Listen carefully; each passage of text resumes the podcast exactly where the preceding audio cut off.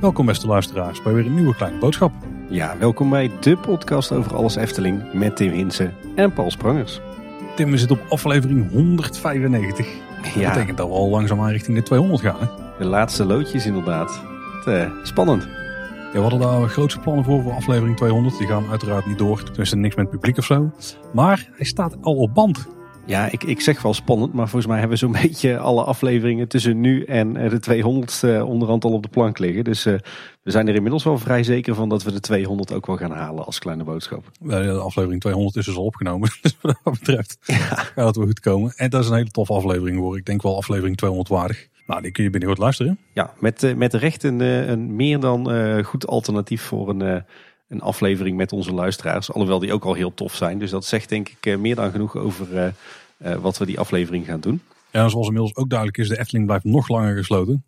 Ja. En we missen het wel om een rondje te op het park. Maar ja, op dit moment is het niet verantwoord en kan het ook gewoon niet. Maar toch is er echt een enorme berg Efteling nieuws. Dus deze aflevering is in ieder geval weer helemaal vol. Absoluut, ja. Ja, het park blijft in ieder geval, wat we nu weten, tot eh, 10 februari gesloten. En dan is het toch, toch weer een goede twee maanden dicht geweest. Eh, laten we hopen dat het, eh, dat het dan weer open kan. Want eh, ik moet zeggen, wij beginnen het toch wel enorm te missen hoor, de Efteling. Dat wordt wel steeds, steeds schrijnender. En ik denk het ook voor, voor het bedrijf en voor de medewerkers. Dus eh, ik kan niet wachten tot het park weer open gaat. Maar jij zoekt af en toe nog wel alternatieven. Ja, inderdaad. Wij zaten er vorig weekend, of eigenlijk aan het eind van vorige week, behoorlijk doorheen. Eh, dankzij eh, het, het, eh, de kinderen thuis en thuisonderwijs en thuiswerken en het huishouden. Er was een beetje, een beetje te veel van het goede.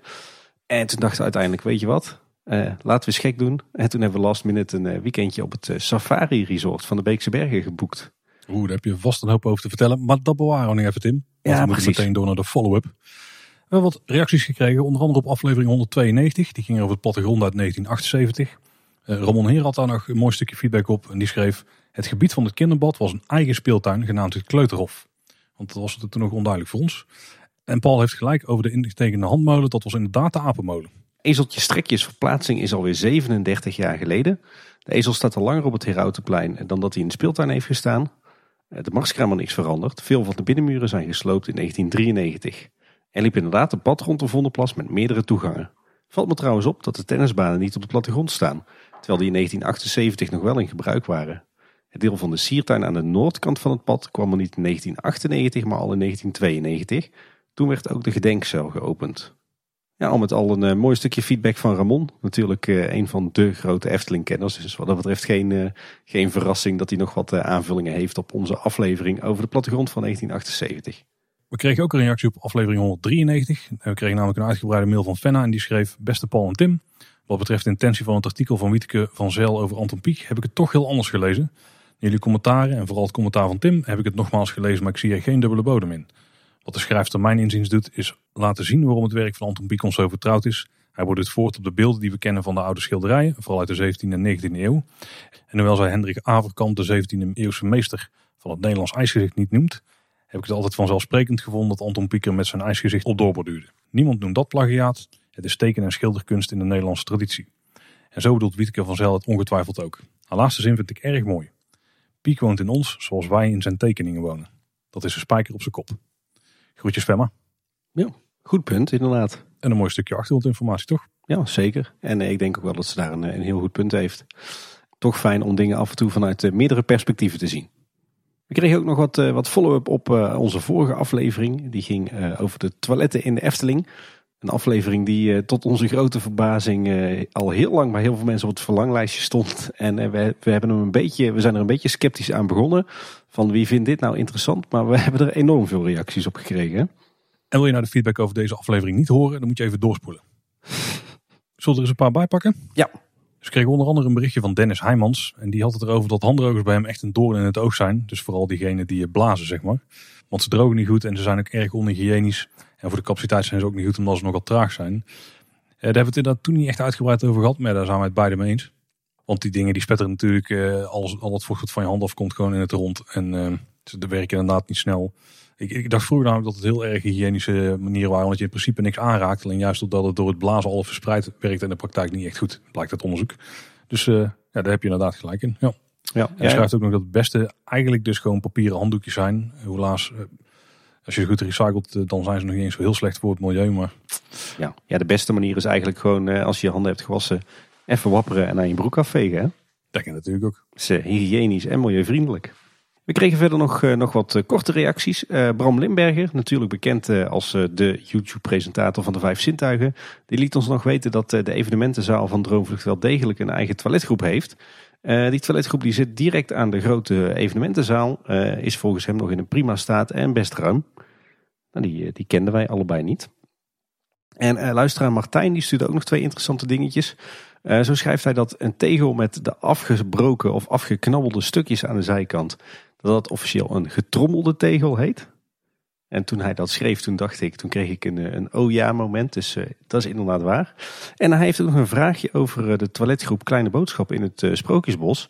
En hij vraagt, zou het kunnen dat deze vroeger ook niet overdekt is geweest? Net zoals het gemak en de marskramer. Dat zou wellicht verklaren waarom hier de binnenzijde ook is afgewerkt met ijzelsteentjes. En dan bedoelt hij natuurlijk dat zeg maar het, het, het, het halletje tussen de toiletten, dat, dat dat dus in het verleden wellicht in de open lucht was. Volgens mij bedoelde hij ook gewoon de, de hoe moet je het eigenlijk noemen? De, de toiletruimte zelf, zeg maar. Want als je daar nu in kijkt, dan zitten daar, weet je, van die puntdaken met ramen op. Ja. Als ik het goed, met glas. Eh, en die zouden ook wel eens vroeger open geweest kunnen zijn. Maar we weten het niet. Dus het is een open vraag naar de luisteraars, denk ik. Weet iemand hoe dat zat vroeger? Wij horen het graag. Ja. Samen met onze Martijn. Ja, ja, we zijn er inderdaad wel naar op zoek geweest, maar er is helaas eh, niks over te vinden op dit moment in eh, de archieven, voor zover wij weten. Dus eh, ben benieuwd, want ja, eh, in principe zou het dan dus zo zijn dat vroeger alleen de toilethokjes zelf overdekt zouden zijn geweest en de rest dus gewoon in de open lucht zou zijn geweest. En Danny van Leeuwen deelde ook nog een mooie herinnering. Vooral ons verhaal over het toilet in Panorama, dus het toilet boven. Dat deed hem denken aan zijn jeugd. Toen was hij ongeveer 15, schat hij. Toen was hij met zijn broertje en vader naar de wc boven Panorama geweest. En toen keek ze uit die raampjes. En toen eh, zagen ze daar de zwarte baandelen en betonnen constructie van Vogelrok in elkaar gezet worden. Dat is natuurlijk wel tof, want dat was een hele goede plek om dat te bekijken daar. Ja, zeker. En hij zegt ook, eh, ergens rond die tijd is het bij mij overgegaan van de Efteling is een leuk jaarlijks uitje naar een echte hobby. Nou, die loopt dus ook al eh, aardig lang rond in het fanwereldje, blijkt wel. Toffe feedback. Zoals we dan altijd zeggen, samen maken we kleine boodschap. En dat blijkt ook wel weer. En dan door naar de hoofdonderwerpen. Er is weer Wereld van de Efteling 2030 nieuws. Het, kwam echt gewoon vlak na onze opname uit. Ik kon het niet meer meenemen in de aflevering toen, maar er is wel wat gebeurd in. Ja, er is absoluut weer eh, veel gebeurd. Er is veel te melden over het eh, bestemmingsplan. Daar worden wij altijd eh, heel erg vrolijk van. Daar hebben we onszelf ooit ook voor opgericht, zo'n beetje. Ehm, een van de allerlaatste stapjes in het proces, tenminste laten we dat hopen. Want wat is het geval? Een van onze luisteraars, Bjorn Bouwens, die ontdekte dat op de website van de gemeenteraad van de gemeente Loon op Zand een interessant document online stond als vergaderstuk. Namelijk het herstelbesluit. En wat is het herstelbesluit nou? Nou, zoals jullie weten hebben we enige tijd geleden een tussenuitspraak gehad van de Raad van State. Die toch nog een vijftiental bezwaren hadden op het, eh, het bestemmingsplan van de Efteling. Eh, en de gemeente en Efteling kregen een aantal maanden de tijd om, eh, om dat op te helderen en aan te passen. Nou, dit herstelbesluit is eigenlijk een soort van ja, aanpassing op het, het bestemmingsplan zoals dat bij de Raad van State lag. En waarin de gebreken worden hersteld. En daar lezen we dus eigenlijk op welke manier dat ze het eh, bestemmingsplan willen aanpassen om het eh, alsnog naar de Raad van State te brengen, eh, hopende op, eh, op goedkeuring. Nou, het is overigens nog niet zo dat dit herstelbesluit al definitief is. Het is namelijk ingeroosterd om op 11 februari in de gemeenteraad eh, behandeld te worden. De gemeenteraad die moet dat nog inhoudelijk goedkeuren. Daarna wordt het voorgelegd aan de appellanten, zoals dat dan zo mooi heet. Dus de bezwaarmakers. Die mogen daar ook nog wat van vinden. Misschien vindt er dan ook nog een, eh, opnieuw een zitting plaats bij de Raad van State. En daarna volgt pas de einduitspraak. Dus eh, het is niet zo dat we over een paar weken definitief duidelijkheid hebben. Maar dit is wel weer een belangrijke stap. Overigens een aantal dagen later stond er trouwens ook nog een, eh, een uitgebreid interview met wethouder Bruinix. eh, hier van de gemeente Loon op Zand in het Brabants Dagblad en wat andere regiokranten. Die eh, net wat meer duidelijkheid eh, biedt op eh, een aantal punten in dit herstelbesluit. Dus dat hebben we natuurlijk meteen meegenomen in de analyse van het herstelbesluit. Een aantal punten in het bestemmingsplan waren aan de hand van de bezwaren nog een beetje onduidelijk voor de Raad van State. Dus er waren herstelopdrachten uitgeschreven. En een aantal daarvan, vier stuks maar liefst, die gingen over de camperparkeerplaats die gerealiseerd zou moeten worden op het voormalig gemeentedepot. En de Efteling heeft eigenlijk gewoon besloten om daar helemaal van af te zien om die te realiseren. Waarmee die vier punten dus gewoon compleet vervallen. Het gebied valt nu zelfs heel buiten het plangebied van het bestemmingsplan. Ja. Dus het gebied behoudt de oude bestemming gewoon. En dat is op dit moment bedrijfsvoering. Ja, inderdaad. Dus uh, wie nog een bedrijfje wil beginnen, daar kan het. Op het voormalige gemeentedepot. Heb je nog een strook grond? Zal niet de bedoeling uh, zijn. Uh, overigens lezen we in het uh, laatste in het Brabants Dagblad dat er volgens de gemeente nu geen camperplaats wordt aangelegd. Omdat het voor de uitbreidingsplannen van de Efteling niet noodzakelijk is. Want overdag kunnen campers bij de Efteling parkeren. En er zijn verder genoeg campings in de buurt. Hmm. Maar dat vond ik een beetje een vaag verhaal. Dat is een vaag verhaal, ja. Want er waren wel veel campings in de buurt waar je met je camper kon gaan staan. Waaronder Droomgaard en Camping de Bernhoeven. Maar die bestaan alle twee niet meer. Nee. En op dit moment zijn er ook geen vervangers voor. Want Camping Droomgaard is een nieuw Europarks resort geworden. Daar kun je alleen maar chalets huren. En ja, Bernhoeven is nu inmiddels in eigendom van de Efteling. En misschien zit daar ook wel een beetje de clue van dit verhaal in. Want het zou natuurlijk best kunnen dat, dat ze op die plek waar al een bestemming camping op zit, dat ze daar die, camper, die camperplaats gaan realiseren. Dat zou mij inderdaad niks, niks verbazen, want daar mag het natuurlijk gewoon. Uh, en als je daar uh, alle bebouwing platgooit op dat terrein, heb je natuurlijk best wel een flinke lap grond. die bereikbaar is via de Bernse Hoef, maar je kan hem ook bijvoorbeeld bereikbaar maken via de Eftelingse straat. Dan laat je de campers gewoon voorbij Bosrijk rijden, daar inchecken. En dan, dan laat je ze net wat verder doorrijden op de Eftelingse straat en dan rij je dat terrein op. Heb je ook geen overlast voor het gehucht daar? Want je komt dan vanaf de andere kant aanrijden. Dus je komt helemaal niet in de buurt van die bebouwing. En aan de andere kant, ik denk dat de verkeersbewegingen, want dat was een van de grote bezwaren hier. Dat die dan niet noemenswaardig toenemen. Omdat het toch al, ja oké, okay, het zal op dit moment vooral, zult het vooral voor caravans zijn geweest, denk ik, die erheen zijn gegaan. Maar ja, daar rijden ook auto's voor op en neer. Ja, maar je hebt wel, je hebt wel gelijk. Misschien is het dan gewoon inderdaad beter om, uh, om die... Uh, om die camperplaats niet te ontsluiten via de Dodenauweg in de Bernse Hoef. Maar gewoon via de Eftelingse straat. Dan, dan heb je, komen die campers helemaal niet in de buurt van, van het buurtschapje. Uh, en het voordeel is natuurlijk ook dat je dan uh, die mensen gebruik kunt laten maken van de voorzieningen van Bosrijk. Ook nog eens ja. Al heb je natuurlijk in een camper niet van nodig. Nee, dat is waar. Maar stel dat die mensen uh, toch een boodschapje willen doen of even willen zwemmen of even een biertje willen pakken. Dan kan dat natuurlijk heel makkelijk bij Bosrijk. Dan maak je het eigenlijk gewoon een, een soort van fase 3 of fase 4 van Bosrijk van. Dat is trouwens wel heel tof Tim. Als je daar een bruggetje legt over die plassen die daar aan de buitenrand van Bosrijk liggen. En een nieuw pad uit het park in. Dat is eigenlijk wel heel tof. Ja, Goed plan. En het, het mag bestemmingsplan technisch al gewoon. Dus uh, ik zeg doen. Maar wat gaat er dan gebeuren met het oude gemeentedepot? Nee, nou ja, we zagen natuurlijk, hè, we kregen laatst de, de grondenkaart van de Efteling onder ogen. Toen viel ons al op dat uh, dat, dat voormalige depot helemaal nog geen eigendom is van de Efteling. Ik vermoed dat dat, dat, dat nog gemeentelijk eigendom is. Ja, nu is het zelfs buiten het, het nieuwe bestemmingsplan gehouden. Hè. Het is er helemaal van afgeknipt. Dus ik denk dat de Efteling zijn handen er gewoon vanaf heeft getrokken en het teruggegeven heeft aan de gemeente. Zo van, wij hoeven hier niks mee. Ja, wat kan je dat doen? Ik, ik zou het eerlijk gezegd gewoon groen aanplanten. Dan heb je een mooie groene buffer tussen enerzijds het golfpark en anderzijds het, het buurtschap Bernse Hoef. Verder kan je daar toch, toch vrijwel niks. Ik denk niet dat daar nog nieuwe bedrijfsvoering gaat plaatsvinden. Dit was een van de grootste wijzigingen in ieder geval. Want ze hebben gewoon één punt in principe gewoon afscheid van genomen. Of één, één doel wat ze hadden met het bestemmingsplan. Maar het andere grote punt is die motivering van waarom het huidige park niet binnen de parkgrenzen zou moeten of zou kunnen uitbreiden. Dat vonden wij vooraf een heel interessant punt. En daar hebben ze dus een, een antwoord op bedacht.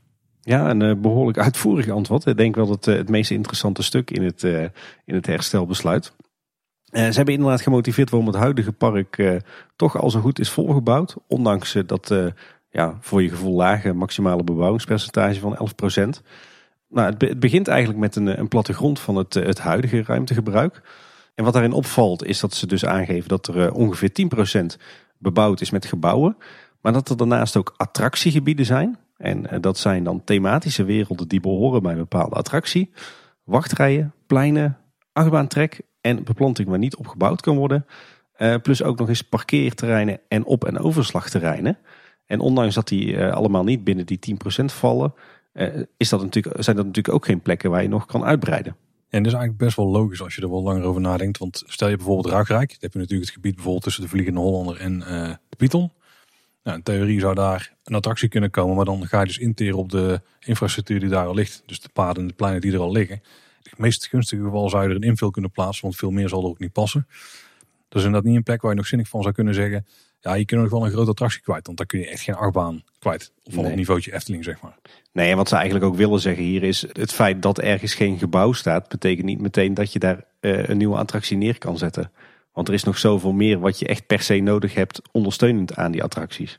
En ik kan me voorstellen dat het wat dat betreft best een goede argumentatie is richting uh, de Raad van State. Want als je denkt, ja, 11% is bebouwd... dat betekent dat je op 89% nog iets kunt. En dat kan dus niet. Nee. Want wat je dus ook ziet uit dit uh, plattegrondje is dat hele delen water er ook bij horen. Want dat is natuurlijk dan weer het natuurkrachten van de Efteling. Maar bijvoorbeeld ook gewoon de hele achtbaantrack. Ja. Die valt niet onder die 11% bebouwing. Maar dat is natuurlijk wel een stuk waar je in principe niks anders mee kunt. Nee, ze geven daarnaast ook aan dat je nog de hoofdinfrastructuur hebt van het park. Het, uh, het oppervlaktewatersysteem en het uh, landschappelijk raamwerk, zoals dat dan zo mooi heet. Waarop je eigenlijk ook niet kan gaan bouwen. Uh, en, en, een opvallende zinsnede die ik ook nog wel terugvond in het document, is dat het, zeg maar het op- en overslagterrein tussen de fietsenstalling en de Efteling Theater, het, het logistiek evenemententerrein zoals het dan, dan in de volksmond heet, dat dat niet geschikt is voor uitbreiding omdat de grond zodanig vervuild is dat sanering niet rendabel is. Oei, dat was wel in mijn uitbreidingsplan een plekje ze niet zouden kunnen. Misschien moeten ze wel meer omzet gaan draaien. Dan kunnen ze daar financieel wel uh, geld tegenaan klappen. Ja, we, wisten natuurlijk al dat daar een, een oude stortplaats ligt. Een oude vuilnisbelt. Uh, het, het Efteling Theater is er ook opgebouwd. En de fietsenstalling. Is heel lang in beeld geweest dat terrein als, als een soort uitreiken. Of voor een zwemparadijs of voor een, een nieuw hotel. Maar nu geeft Efteling dus zelf aan dat ze dat niet meer gaan doen. Omdat het te duur is om die vuilnisbelt te saneren blijkbaar. En ook heel interessant, wat we vonden op dit kaartje, is dat er een aantal gebieden zijn aangeduid als uitbreidingslocatie. Dus we hebben onder andere het gebied tussen het Spookslot en Baron 1898. Dus dat is de plek waar ooit het theater was beoogd. Dat is in ieder geval uitbreidingsruimte voor nog 4813 vierkante meter. De Bietelweide is ook nog zo'n uitbreidingsplek. Daar zou nog plek zijn voor 4586 vierkante meter, dus net iets kleiner. Uh, maar een gebied waar we al van weten dat ze iets gaan ontwikkelen. Dat is het deelgebied tussen Max en Moritz en de Piranha. Waar ze nu bakkerij Krumel gaan bouwen. Of bekkerij Krumel moet ik eigenlijk zeggen. Uh, dat is een gebiedje van 3198 meter.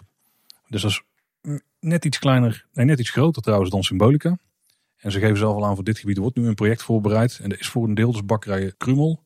Maar er is nog wel plek voor iets anders. Maar dat zou op een hele gekke plek liggen dan. Ja, ik vermoed eerlijk gezegd ook dat ze hier echt alleen op bekkerij Krumel toe hoor. Ik kan me niet voorstellen dat ze in de ruimte die dan overblijft tussen de bakkerij en het, uh, het spoor en de karpervijver, dat ze daar nog echt iets anders neer willen zetten. Ja, in theorie heb je het hele veld nog wat erachter ligt. Zeg maar het veld dat, uh, wat in die bocht ligt van het water aan de karpervijver. Alleen ja, dat is een hele gekke plek om dan iets neer te zetten. Want dat is in de rug van uh, bak, bakkerij. En ja, het ligt een beetje zo dan verloren naast Fata Morgana. Dus ik kan me ook niet voorstellen dat ze daar iets doen. Tenzij ze ooit nog dat idee voor die achtbaan in die hoek daar gaan realiseren. Waar Lex Lemmens het ooit over heeft gehad met een stationnetje ergens op een iets gunstigere plek. Maar ik kan het me ook niet voorstellen. Ja, overigens moet ik zeggen, ik vind het wel heel arbitrair hoor, om te zeggen er zijn nog maar drie plekken in de Efteling die geschikt zijn voor uitbreiding. Want ja, dat, dat is toch ook heel subjectief. Kijk, ik ben het ermee eens dat dit plekjes zijn waar je zou kunnen uitbreiden. Alhoewel, ik denk dat je dat uh, gebied tussen het Spookslot en Baron 1898 lekker groen moet houden. Hè. Daar heb je dat echt wel nodig, uh, anders wordt het daar wel heel stenig. Maar waarom zijn bijvoorbeeld plekken als uh, de speelweide, of in ieder geval een deel van de speelweide, niet meegenomen? Waarom is het dienstencentrum niet meegenomen? Waarom is het, het huidige parkeerterrein niet opgenomen als uitbreidingsgebied? Hè? Daar hebben ze zelfs plannen om het Sprookjesbos op te gaan uitbreiden. Dus het is wel heel erg naar een verhaal toegeschreven voor mijn gevoel. Nou, ik heb daar wel verklaringen voor. De speelweide is natuurlijk gewoon een evenemententerrein. Die willen ze gewoon houden. Want daar kun je die grote dingen organiseren met een grote tent. Of je kunt het hele veld inrichten misschien voor een bedrijfsfeest, et cetera. Dat soort zaken. Uh, dienstencentrum, ja, als het bestemmingsplan niet doorgaat, dan hebben ze die ruimte daar natuurlijk hard nodig voor alle dingen die ze daar uh, uitvoeren. Alle taken die, daar, die, die, die, dat gebied heeft, zeg maar. En hetzelfde is eigenlijk met het parkeerterrein. Als ze dus niet mogen uitbreiden, ja, dan heb je dat parkeerterrein daar wel gewoon nodig. Ja, maar goed, het, het is in deze wordt het gebruikt als motivering waarom het huidige park vol is. Jij motiveert nu eigenlijk waarom het dus alsnog geschikt is voor uitbreiding. Ja, alleen maar als het bestemmingsplan doorgaat. Dan zou het eventueel wel geschikt daarvoor zijn. Ja. Dan kun je het dienstencentrum ergens anders plaatsen. Dat is wel een enorm dure operatie. Ja. En parkeerterreinen kun je gaan verplaatsen naar uh, de westelijke hoek. Maar die optie is er nu niet, dus daar kun je er ook niet over gaan uitbreiden. Nee, klopt inderdaad. Eén um, zinnetje op het einde van het stuk vind ik, uh, vind ik wel heel interessant. En eigenlijk is dat wat mij betreft de clue van de, had dit de clue moeten zijn van het hele betoog. Uh, namelijk ze schrijven daar, het is onwenselijk dat de verstening van het huidige attractiepark toeneemt. Um, want ze willen juist het unieke karakter behouden. En dat is een beetje een voetnoot in, het, uh, in de hele motivatie. Terwijl het wat mij betreft juist een beetje het kernpunt had moeten zijn. Ja, is misschien nog steeds een redelijk subjectief kernpunt. Want dan blijf je het toch weer hebben over de, waarde, de groene waarde van het park. Die ze de vorige keer wel al hebben aangegeven in de zitting. Als we dan een beetje toegaan naar wat we hiervan vinden van die volledige motivering. Ja, ik denk dat je goed moet kijken naar wat de doelgroep is. En dat zijn mensen die de Efteling niet van binnen en van buiten kennen zoals wij. En die dus echt wel zo'n kaartje nodig hebben om te zien van, oh ja, een gebouwtje die staat dan wel daar. Maar er ligt nog een heel achtbaan traject omheen. Bijvoorbeeld bij Joris en de Draak. Die verhouding daar is echt heel enorm scheef, zeg maar. Dat is een enorm groot gebied waar in principe voor het gebied maar een heel klein gebouwtje op staat, namelijk station. En de remsectie volgens mij was die ook ingetekend. En dat was het wel. En als je dat soort context niet hebt en je denkt gewoon van er is 89% is nog te bebouwen. Dan zo'n kaartje maakt wel duidelijk dat dat in ieder geval niet het geval is. Nee. Dus ik denk voor de doelgroep die ze aanspreken dat dat stukje wel uh, duidelijk is geworden. Dat denk ik inderdaad ook. Ik denk dat dit stuk inderdaad een, een goede uitleg is van, joh, die 11% lijkt heel weinig, maar uh, het park is veel voller dan dat. Maar het is wel echt een hele cijfermatige uh, benadering. Ik heb het gevoel dat, dat deze, uh, deze motivatie ook echt is geschreven door, door een techneut of, of een planoloog. Want ik vraag me af of dit nou wel de kernvraag beantwoordt. Van moet de Efteling nou per se uitbreiden? Want, want wat ik al zei, die, die drie gebiedjes die, die zijn gekozen. Die, want zoals ik al zei, die drie gebieden die ze nu hebben aangemerkt als de enige drie plekken waar je nog zou kunnen uitbreiden. Ja, dat is op zich redelijk subjectief. Uh, er zijn een aantal plekken waarvan je zou kunnen zeggen, daar kan je toch uitbreiden. En ja, uh, je kan sowieso, denk ik, in, in theorie kan je hele park verder inbreiden. Hè? Maak er een, een soort van fantasieland van. Dat is natuurlijk technisch gezien ook gewoon een optie. En daarom denk ik dat de motivering eigenlijk omgedraaid had moeten zijn. Namelijk als je echt goed had willen onderbouwen waarom de Efteling niet verder kan inbreiden op de huidige plek, maar echt naar buiten moet, had je het volgens mij van de andere kant moeten benaderen. Namelijk, uh, het is van groot belang dat de Efteling blijft. Hè, want de Efteling zorgt voor uh, goede uh, werkgelegenheid in de regio. Het is van belang, het is cultureel erfgoed. Het is van groot belang voor de, de economie in de regio. Volgens mij is dan stap 2 dat je moet aantonen dat de concurrentie moordend is in de pretparkwereld in, in Nederland en zeker ook in, in West-Europa. Kijk naar een toverland wat opkomt, kijk naar een Europa-park, kijk naar wat Disneyland allemaal doet. En stap 3 is dan volgens mij om te zeggen van joh, de enige manier hoe je die concurrentie kunt overleven, die concurrentiestrijd, is door ervoor te zorgen dat je als park een uniek karakter heeft, hebt. En wat is nou het unieke aan de Efteling, het unique selling point? Dat is inderdaad het groene karakter, de wijsheid, het landschapspark wat het is. Eh, niet het op, op elkaar gepropte wat we zien in een Fantasialand of uh, indoorhallen zoals in Toverland. Nee, de Efteling is juist dat groene, uitgestrekte, open park. En dat is wat het zo succesvol maakt. En daarom wil je dus niet gaan inbreiden. Daarom moet je wel uitbreiden. Volgens mij is dat juist de kern van de motivering waarom de Efteling meer ruimte zoekt uh, voor dagrecreatie. Dus ik had hem veel meer zo ingestoken dan dat ik uh, uh, cijfermatig was gaan berekenen van nou, waar komt die 11% nou vandaan?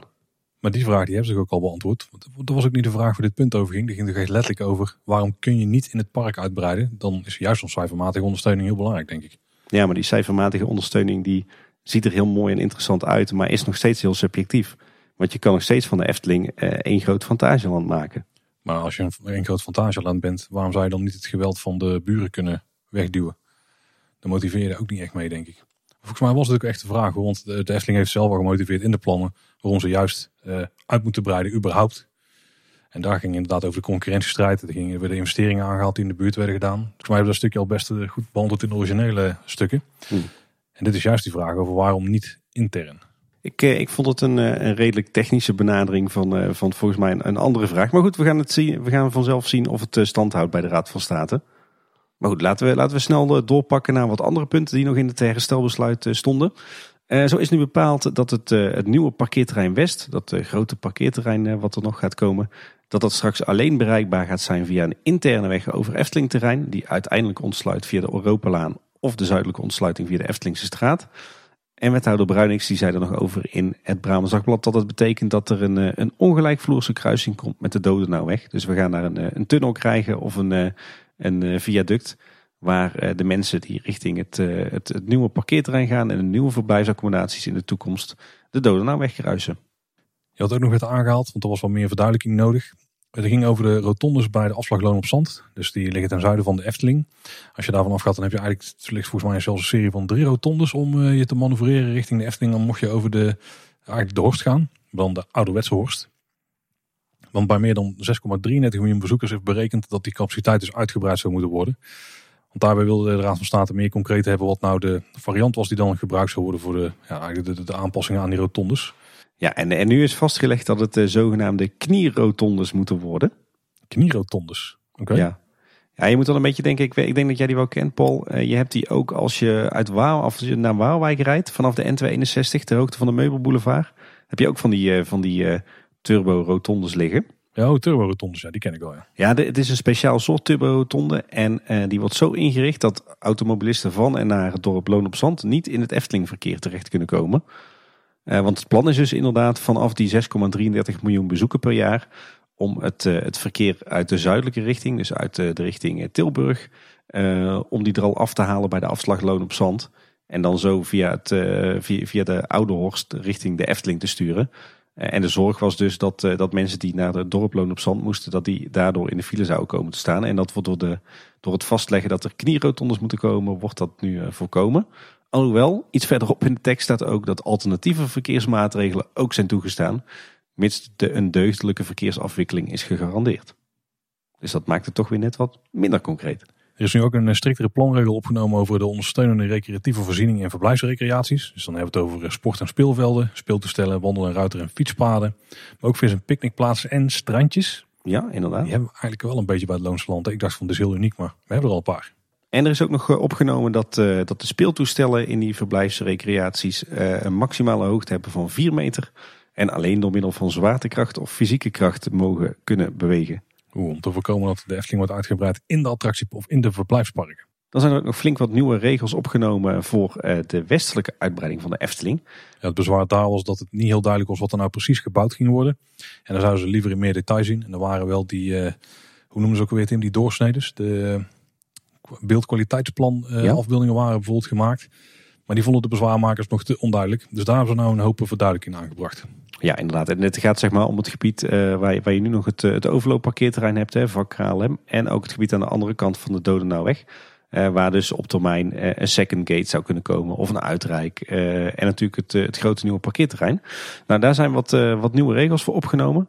Zo staat er nu echt duidelijk in dat er echt alleen indoor attracties zijn toegestaan.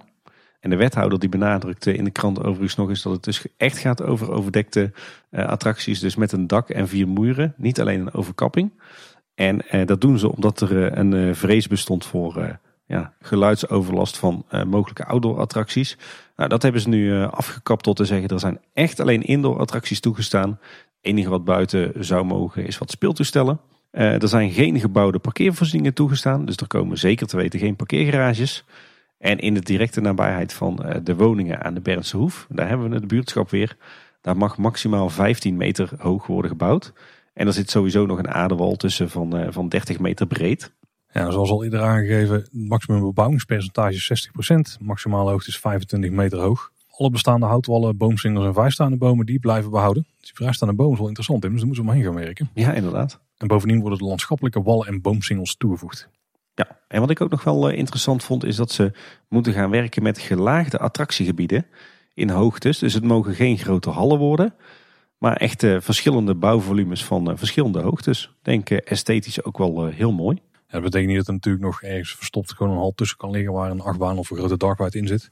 Dat moet in ieder geval opbouwen. Het is niet wat je af en toe ziet bijvoorbeeld in Walt Disney Studios. Gewoon echt van die grote blokken dozen. Dat mag er dus niet. Nee, en ook geen, geen tweede Toverland of geen tweede Plopsa Indoor. Dan eh, is er in het eh, herstelbesluit ook nog heel veel aandacht voor de stikstofberekening. Eh, er was namelijk wat onduidelijkheid over op basis van, van welke methodiek dat die moest worden uitgevoerd. Nou, ze hebben nu opnieuw de hele stikstofberekening uitgevoerd op basis van de nieuwste rekensoftware. En ze bekijken daarin dus of de, de hoeveelheid stikstof die wordt uitgestoten door de Efteling en alle bezoekers die er naartoe komen en het, het verkeer, of dat die al dan niet eh, toenemen eh, ten opzichte van de huidige situatie. Eh, en als dat zou toenemen, heeft dat natuurlijk een negatief gevolg voor eh, de, de natuurgebieden in onze regio. Ehm, nou, ze hebben die berekening opnieuw uitgevoerd. Wat blijkt? Er is eh, geen sprake van toename van stikstofdepositie op de Loons en duinen. Ze spreken zelfs over een lichte afname.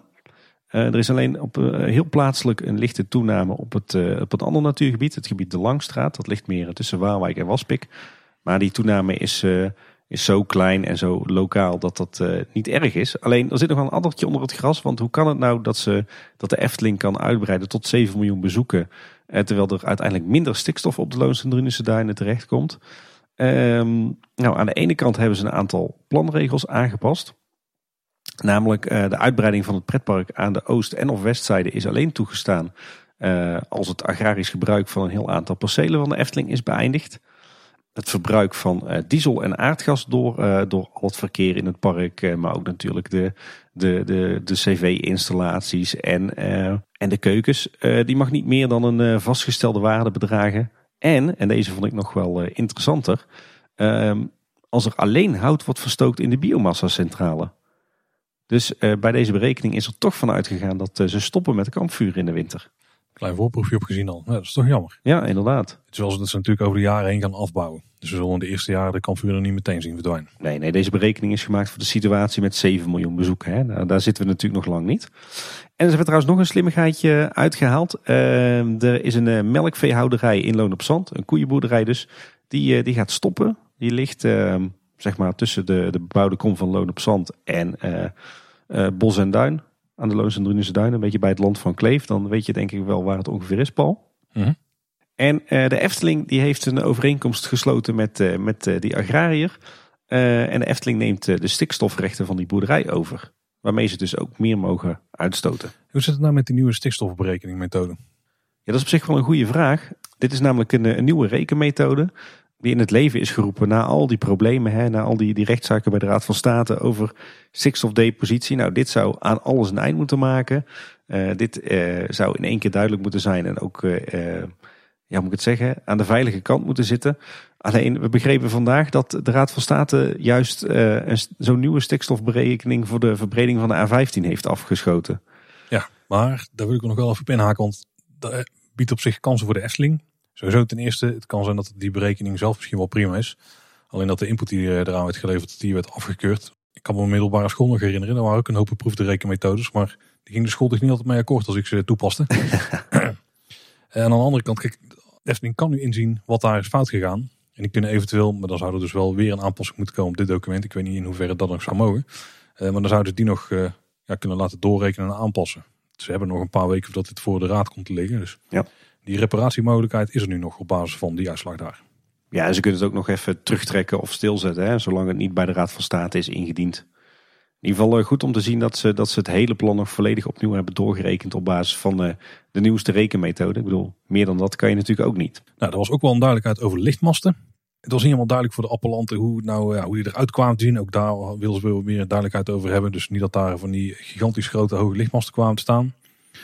Op plaats met de bestemming groen mogen geen nieuwe lichtmasten geplaatst worden. Wel mogen bestaande lichtmasten worden vervangen door nieuwe masten, mits op dezelfde plek en dat ze niet hoger zijn dan de bestaande masten. Als er andere bebouwing komt uh, die geen gebouw is, kun je hem nog volgen Tim? Dan moet je denken aan uh, speeltoestellen hè, of uh, de dienstgebouwtjes, opslagplaatsen, overkappingjes, dat soort dingen. Nou, dan mogen in ieder geval max 2 meter hoog zijn. Kunstwerken, ja, expliciet genoemd, die zouden maximaal 6 meter hoog mogen zijn. Misschien dat er nou iemand heel creatief kunstwerk gaat maken waar toevallig heel veel verlichting in zit. Wie weet. Daar zo slim omheen. En de gebieden die de bestemming verkeer krijgen in het nieuwe bestemmingsplan, eh, daar mogen nieuwe lichtmasten maximaal 3 meter hoog zijn. Bestaande lichtmasten mogen ook hier weer worden vervangen door nieuwe masten, mits op dezelfde plek en dezelfde hoogte. En andere bouwwerken die geen gebouw zijn, die mogen maximaal 10 meter hoog zijn. En nou denk je misschien, hè, is toch lastig, geen lichtmasten, geen nieuwe lichtmasten of maar 3 meter hoog. Uh, maar een kleine nuancering. Ik ben er even ingedoken. Maar wat blijkt, vrijwel alle toekomstige parkeerterreinen, die uh, krijgen de bestemming dagrecreatie. En daar mogen uh, lichtmasten op komen te staan van 8 meter hoog. En bij de gebieden die verblijfsrecreatie worden zelfs 10 meter hoog. Dus die regels zijn best wel soepel. Dus ik denk dat als het bestemmingsplan erdoor is, dat we op vrij korte termijn bijvoorbeeld op het, het huidige vak KLM eindelijk permanente lichtmasten gaan zien in plaats van die inklapvariantjes. Dus uh, nou, dat hebben ze wel slim, uh, dat hebben ze wel slim gedaan. Alleen dus geen, uh, geen lichtmasten in de, de natuurlijke gebieden en lage mastjes in, langs de wegen. En denken we dat ze hiermee gaan redden?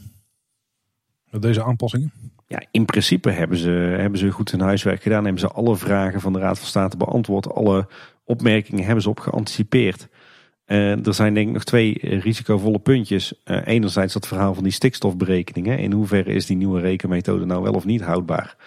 En anderzijds toch die argumentering van wat is nou de noodzaak van uitbreiding van het, uh, het pretpark buiten de huidige grenzen? Daar zit natuurlijk een bepaalde mate van subjectiviteit in. Ik bedoel, wij tweeën worden het er al niet over eens. Dus de vraag is even hoe de Raad van State daar, daarover denkt.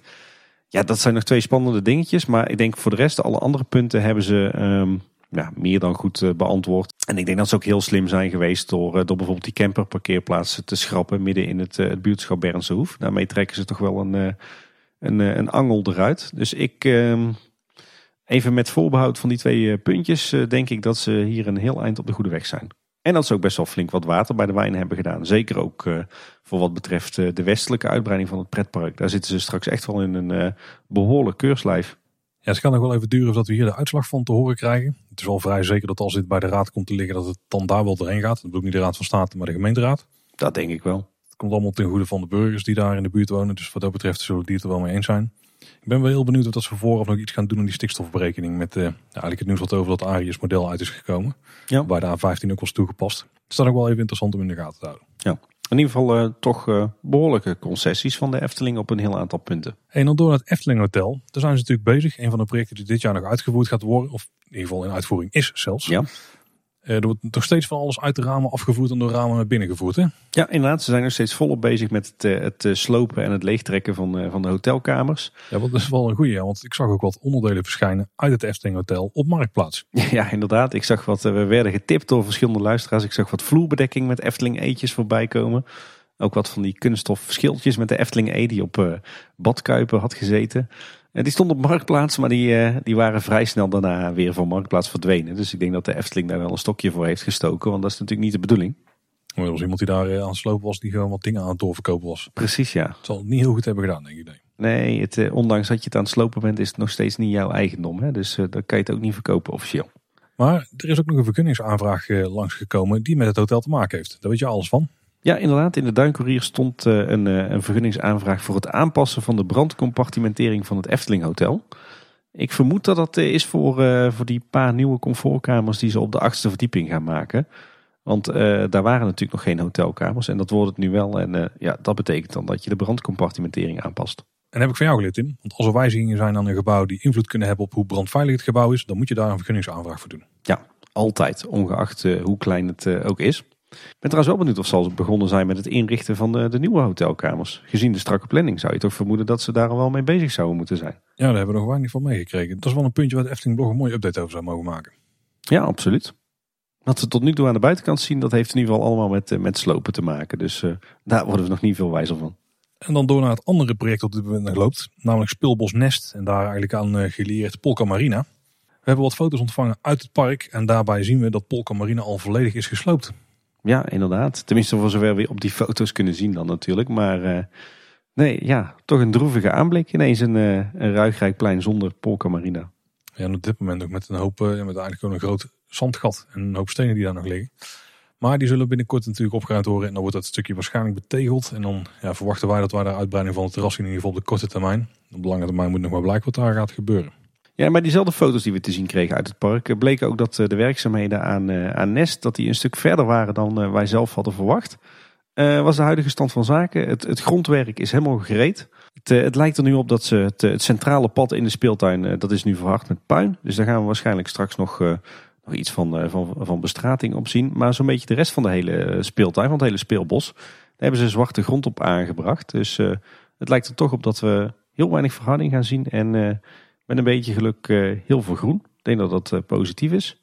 Verder uh, volop kabels uit de grond ten behoeve van licht en geluid. En op de foto's zagen we dat aan in de achterzijde van het speelbos. Helemaal achterin bij de Vliegende Hollander.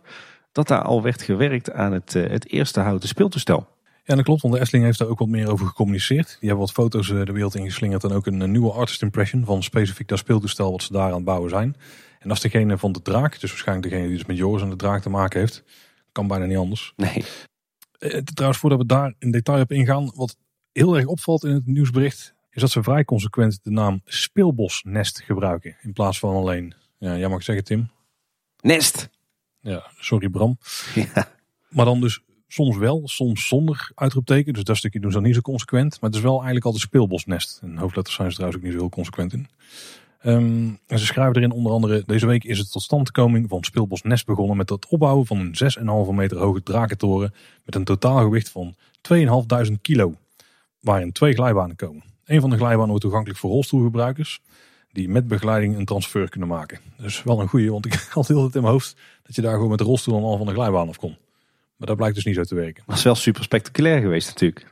Dat denk ik wel. Ook super onveilig voor. ja. ik, ik ben ergens wel blij dat ze trouwens uh, nu voortaan het over speelbosnest hebben. Want, want op die manier lijkt het er toch op alsof ze meer de nadruk op het, uh, het groen, de natuur en het uh, natuurlijk spelen willen leggen in die hoek. Ja, inderdaad. Ja. Goede ontwikkeling. Nou, wat ze nogmaals herhalen is dat dus de bekende elementen uit de grote achtbanen van Ruigrijk hier tegenkomen. Dus bijvoorbeeld die toren die de uitstraling van de draak krijgt. Wat nieuw is, wat we nog niet wisten, in de nok van de draaktoren komt ook een periscoop. Nou, en daarmee kun je zelfs vanaf de grond dus het uitzicht vanaf 6,5 meter ervaren. Dus dat is wel heel tof. Ja. Ja, verder lezen we in het bericht ook nog dat uh, naast de rolstoeltoegankelijke glijbaan Speelbosnest onder andere een vlonderpad krijgt. Hè. Dat gaat door die hele speeltuin heen lopen op hoogte. En een speeltuinwaterbed, dat uh, voor iedereen met of zonder beperking geschikt is. Uh, daarnaast worden alle speelmogelijkheden op verschillende hoogtes gemaakt, zodat het niet uitmaakt of een kind staand of zittend speelt. En er komt een plek waar kinderen zich even konden terugtrekken en waar minder prikkels zijn door uh, specifieke keuzes in kleurgebruik en thematisering. Maar dat is dan niet het honk. Want dat lijkt toch een, uh, want dat is natuurlijk wel een soort afgesloten ruimte, maar die wordt niet zo heel groot, dus dat lijkt toch wel echt een horecapuntje te worden. Ook een vergunningsaanvraag voor is gedaan. Ik, ik vermoed dat dat horecapunt wordt, ja. ja. En, en we krijgen denk ik gewoon een, uh, ja, een heel rustig hoekje waarschijnlijk ergens. Ik ben benieuwd of ze daar buiten in Ruikraak gaan creëren met de bron erachter en ook de Vliegende Hollander bocht uh, horseshoe die daar dan ongeveer naast ligt. Misschien uh, helemaal uh, om, omsloten door een soort van schutting van houten planken en veel groen eromheen. Ja, nou, we zullen het zien.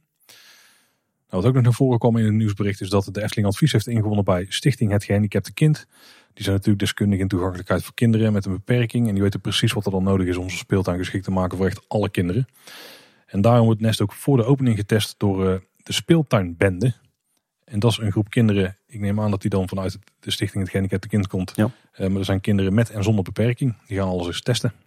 Kijk, nou, goed, uh, goed initiatief denk ik. Bij het bericht staat trouwens ook nog een, een foto van de bouwwerkzaamheden. Van de opbouw van het eerste speelta- speeltoestel achterin. Uh, ja, heel veel van dat ruwe hout. Hè, zoals we dat kennen uit heel veel natuurlijke speeltuinen. Van die dikke houten balken die niet recht toe recht aan zijn. Maar eigenlijk gewoon boomstammen ondaan van hun, van hun schors en ruwe planken. En daarmee wordt dat hele speeltoestel opgebouwd. En er zat ook een nieuwe impressietekening bij, jij zei het al Paul. Uh, waarbij mij toch opviel dat, uh, dat het speeltoestel met het thema draak... dat dat best wel veel uh, decoratie nog krijgt. Laten we het gewoon tierlantijntjes noemen. Zo zou je het ook kunnen noemen. Decoratie tierlantijntjes, wat jij wil. Ehm, en ja, die moeten het speeltoestel er een beetje uit laten zien als een draakkop.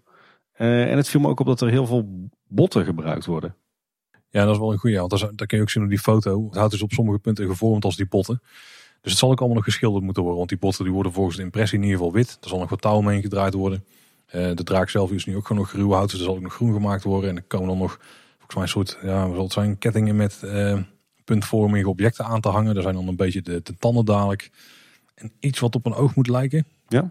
Als ik trouwens een van die impressietekeningen zag, dan, of de, de, de eigenlijk de impressietekening die erbij zat, dan leken daar wel een paar eh, op vervelende hoogte stokken naar beneden uit te steken. Ik weet niet hoe dat in de praktijk gaat zijn, maar dat zag er niet echt heel erg oude proef uit. Hm. Nou, ik denk dat ze dat nog wel even tackelen hoor, voor de oplevering. Want anders komen ze ook niet door de keuring heen.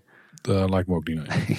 hey, wat mij ook nog opviel buiten dit persbericht, is dat uh, René Merkelbach nog stiekem een uh, foto had geplaatst. Nou, niet heel stiekem, dat is natuurlijk gewoon openbaar, op Instagram van Nest. En dat is toch meestal wel een hint dat er ook muziek van René gaat verschijnen hier in de omgeving. Oeh, dat is wel heel cool. Ja, er kwamen ook zoveel kabels uit de grond, uh, zagen we op de, op de foto's. Er, er moeten haast ook wel uh, speakers komen te staan. Ja, dat zal niet alleen zijn voor de omroep, omroepinstallatie van wilt u Billy uit de ballenbak komen. ja, precies. Billy ligt in het magazijn meestal te wachten je. Maar, nou. Ik denk dat René dan waarschijnlijk een heel zacht, rustgevend uh, pingeltje gaat componeren. Hè? Dat moet wel, ja. Oh, dat zou wel heel tof zijn als je dan gewoon interessante muziek hebt in het park dan in de chillhoek gaat, dat het dan juist heel, dat, dat het bijna allemaal weggefilterd wordt en dat er nog zo'n zo'n ja, dingetje achterblijft. Ja. Gewoon heel laffies.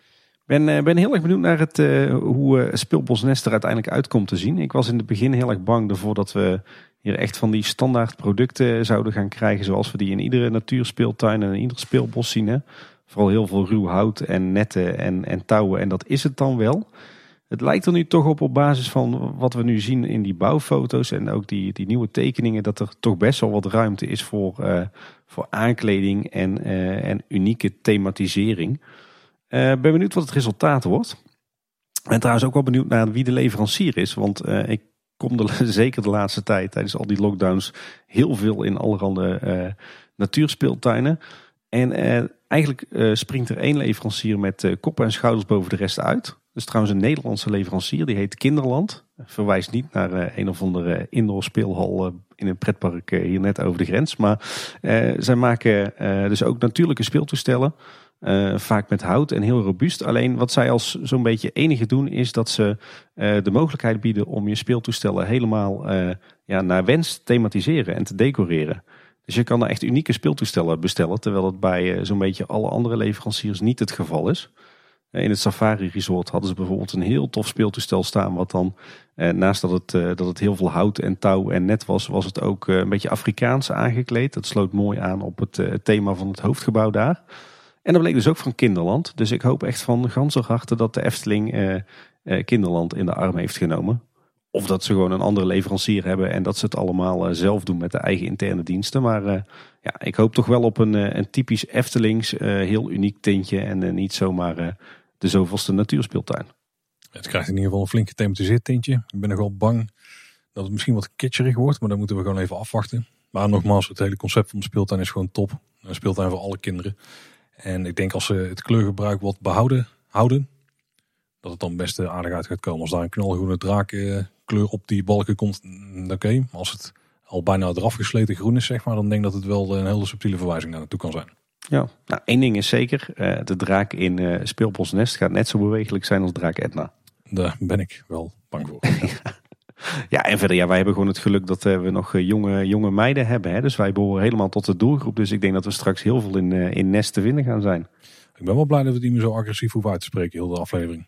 Hey, we gaan gauw door. Ja. Zaterdag 16 januari heeft het gesneeuwd hier in de omgeving. En dat betekent ook dat er een laagje sneeuw is gevallen in de Efteling. En normaal gesproken betekent dat dat alle Efteling parkfotografen natuurlijk in grote getalen naar het park trekken en daar foto's gaan maken. Dat kon er niet. Maar toch zijn er nog een aantal die kant op gegaan. Zo is onder andere Eftelingse Straat. Heeft eh, op Twitter wat foto's gedeeld die ze daar hebben gemaakt. Ik denk dat ze inmiddels ook op hun site staan. We zullen even een linkje delen in de show notes. En dan kun je toch nog het, het entreegebied, dus de parkeerpromenade, Huis van de Vijf Zintuigen en wat foto's van de rand van het park, het park inzien. Ja, ze hadden echt een, eh, een ouderwets rondje Efteling gemaakt, hè? maar dan Ja. ja, dat was de enige manier waarop het op dit moment kon. De Efteling zelf, die kon natuurlijk wel mensen het park insturen. En die hebben ook foto's gemaakt van de attracties in de sneeuw. Dus die kun je ook checken in het linkje in de show notes. Hele mooie foto's, maar tegelijkertijd natuurlijk wel heel verdrietig dat we niet, uh, niet zelf het park in konden. Juist op zo'n mooi moment. Helaas, helaas. Ja, en er is natuurlijk een enorm grote reden waarom we het park niet in kunnen. De coronacrisis. De lockdown is zoals we al zeiden verlengd tot met vooralsnog 9 februari. De Efteling zou in principe 10 februari weer open moeten gaan. Daar communiceren ze nu ook zelf dat, dat, uh, dat ze dat in ieder geval ook hopen. Of het zo is, dat weten we niet. het is overigens wel zo dat als je tickets had, dat die op dit moment zijn verlengd tot 28 maart. Uh, dat blijft voorlopig zo. Mocht het nou nog langer gaan duren, dan kan ik me voorstellen dat ze die tickets weer verder verlengen. Ja. Uh, die waren gepland, die gaan niet door. En binnenkort uh, komt Sligro met een bericht wat hier dan verder mee gaat gebeuren.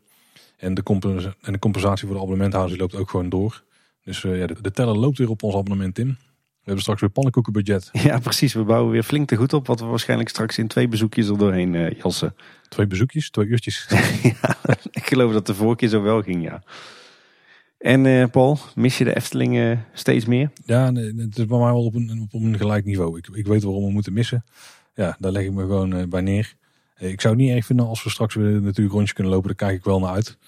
Maar um, ik word er niet depressief van of zo. Dat valt gelukkig mee. Nee, nou, ik, ben, ik merk bij, bij ons wordt het wel met de week steeds erger het gemis. Dus er gaan steeds vaker YouTube filmpjes op en steeds vaker Efteling muziek op. Het voelt ook een klein beetje zoals vroeger. Hè? Dat, je, dat er al wel een winter Efteling was, maar dat het park dan van januari tot, uh, tot Witte Donderdag uh, weer een paar maanden dicht was. Zo voelt het bijna. Ja, we hebben ook wel een paar remedies tegen Tim, die het park iets minder doen missen. Uh, mevrouw heeft namelijk een recept uitgedokterd voor de shortcakes. En nou, ik weet niet hoe ze het heeft gedaan, maar die smaken echt precies zoals in de Efteling. Er zijn dus echt die caloriebommen met zo'n koeklaag, een dikke laag karamel en dan nog afgetopt met chocola. Oh. Zoals mijn vrouw ze nu maakt, dat is gewoon precies zoals in de Efteling. Dus dat stukje hoeven we in ieder geval niet te missen. Wat We kunnen nu zelf klussen. Al moet ik zeggen dat het ongelooflijk veel werk is. Al, het duurt gewoon echt vijf of zes uur om zo'n ding te klussen. Uh, met een groot deel tijd wel wachten. kan, je, kan je daar geen handeltje in beginnen, Paul? Dat je gewoon zelf even een, een afhaalverkooppuntje maakt in, in shortcakes. Ja, dan moeten we wel een fabriekslijntje opzetten. Want ik heb toch wel respect voor de mensen die die jongens bakken voor in de Efteling. Want Want ik zei, het is veel werk. En in de Efteling scoorde je alleen voor een paar euro. En de, die, die euro's die worden mij steeds meer waard op dit moment. Zeg maar. Dat snap moet ik zeggen, eigenlijk steeds minder in dat geval. Ja. Ik moet trouwens zeggen, als, eh, als de Efteling inderdaad 10 februari weer open kan, dan, eh, dan eh, dat voelt op dit moment eh, als toch best wel dichtbij. Hè? Dan moeten we nog twee weken overbruggen zo'n beetje. En eh, dan kunnen we weer naar de Efteling. Dat zou heel tof zijn. Maar het voelt tegelijkertijd ook wel een beetje, een beetje uitzichtloos. Want ja, ik denk dat toch bijna iedereen het er wel mee eens is dat, eh, dat de kans dat de Efteling en de andere parken inderdaad 10 februari weer open gaan, dat die klein is. Ja, en dan is de vraag maar weer net tot hoe lang we dan moeten wachten. Ik ga er nu maar gewoon vanuit dat de Efteling nog langer dicht blijft. Dan kan dat in ieder geval niet tegenvallen. Nee, Maar je hebt inmiddels al een reservering geplaatst, denk ik. Ja, inderdaad. Eh, want wat heeft de Efteling wel? Efteling zelf is wel redelijk voortvarend. Eh, je kan vanaf nu namelijk eh, weer gewoon je bezoek aan het park reserveren. Vanaf die 10 februari dus. En eh, ze hebben daarmee ook de openingstijden tot en met 28 maart gecommuniceerd. Wij hebben zelf inderdaad ook weer een reservering gemaakt met het gezin en met vrienden. Misschien tegen beter weten in, maar het voelde gewoon goed om alvast een reservering te hebben staan. Maar wat worden de openingsdagen dan? In februari en maart is de Efteling door de week van 11 tot 6 geopend. Ehm, tijdens de weekenden en de voorjaarsvakantie van de regio Zuid, dan is de Efteling al vanaf 10 uur geopend tot minimaal 6 uur. Maar afhankelijk van het aantal gasten kan het park op die dagen langer geopend zijn. Dat is wel interessant, want vroeger was het in het weekend dan ook gewoon pas om 11 uur open, toch? Eh, ja, daar, heb, daar, daar hebben ze volgens mij vorig jaar al wel wat mee, eh, mee geëxperimenteerd hoor. Nou, prima dat het in het weekend om 10 uur open gaat, hoor. Want mensen die aan een gesloten poort staan een uur te vroeg is toch wel heel zuur. Ja, inderdaad. En het is met kinderen ook wel handig. Hè? Eh, Stel dat je het park in wil voor het middagslaapje, is het ook wel fijn als het park gewoon om 10 uur open is in plaats van pas om 11 uur. Overigens zijn er ook een aantal eh, uitkoopweekenden. Eh, sommige daarvan die zijn geblokt voor onze abonnementhouders, andere niet. Maar die uitkoopweekenden, dan zijn de openingstijden helemaal fors. Want dan opent het park al om 9 uur en is het tot 8 uur 's avonds geopend. Ja, en de blokdagen voor ons, voor de abonnementhouders, zijn op dit moment 6, 7, 27 en 28 maart. En alle info daarover, ook als die blokdagen nog mochten vervallen, want dat kan altijd. Ja. Oh, Die vind je op de Efteling website bij de openingstijden. Dus die kun je daar altijd in de gaten houden. Ja, laten we hopen dat het park inderdaad in maart gewoon weer open is. Wat trouwens wel opvalt, eh, Tim, bij Bosrijk is het in ieder geval door de week zo goed als leeg. Als je dan de parkeerplaats in de gaten houdt, dan eh, staan er heel weinig auto's geparkeerd. Er staan er zelfs meer bij het Loonse Land. Maar die is dicht. Ja, ja, daar is volgens mij wel een reden voor, maar daar gaan we het, eh, gaan we het dadelijk nog wel even over hebben. En dat verbaast mij ook, want Bosrijk is natuurlijk momenteel gewoon open. Je kan daar gewoon een huisje boeken. Maar het lijkt nog niet echt eh, heel hard te lopen. Nee, inderdaad. Ja, dat is op zich toch wel jammer, want ik merkte eh, dat bijvoorbeeld het, het Safari Resort, waar dus wij vorig weekend eh, een weekendje zijn geweest, dat loopt momenteel als een tierenlier. Maar wat hebben die gedaan? Die, hebben, eh, die zijn redelijk actief gaan inzetten in de communicatie op dat eh, het toch ideaal is als je eh, thuisonderwijs moet geven aan je kind of als je moet thuiswerken. eh, dan hoef je toch niet naar kantoor of naar school. Ja, in plaats van dat je dan thuis op de bank gaat zitten, kan je net zo goed in een leuk huisje op het Safari Resort gaan zitten. Want ja, vanuit daar kan je ook gewoon werken en onderwijs geven. Want je bent nu toch uh, plaatsonafhankelijk. Uh, en dat is natuurlijk wel een, uh, een verdomd slimme zet. Want het werkt ook. Want het, het, draait daar dus als een malle. Ja, wat mij betreft zou de Efteling voor Bosrijk ook zo'n zo'n soort actie kunnen opzetten hoor. Promoot maar het, het verblijf in een, in een boshuis als de perfecte plek om, om de lockdown door te komen. Ja. Ik heb de indruk dat ze nu toch niet echt aan promotie doen voor Bosrijk, wel? Ja, je kunt er nu wel verblijven zonder parktoegang.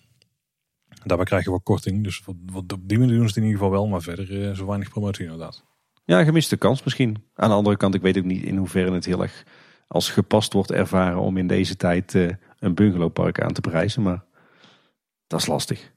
Ja, verder weten we natuurlijk dat er mensen van de Efteling bezig zijn in de zorg. Die zijn bij zorgorganisatie Maizo aan de slag, waarbij ze in verzorgingstehuizen meewerken. Op dit moment gaat het om 80 mensen. Ja. En er komen er nog steeds meer bij.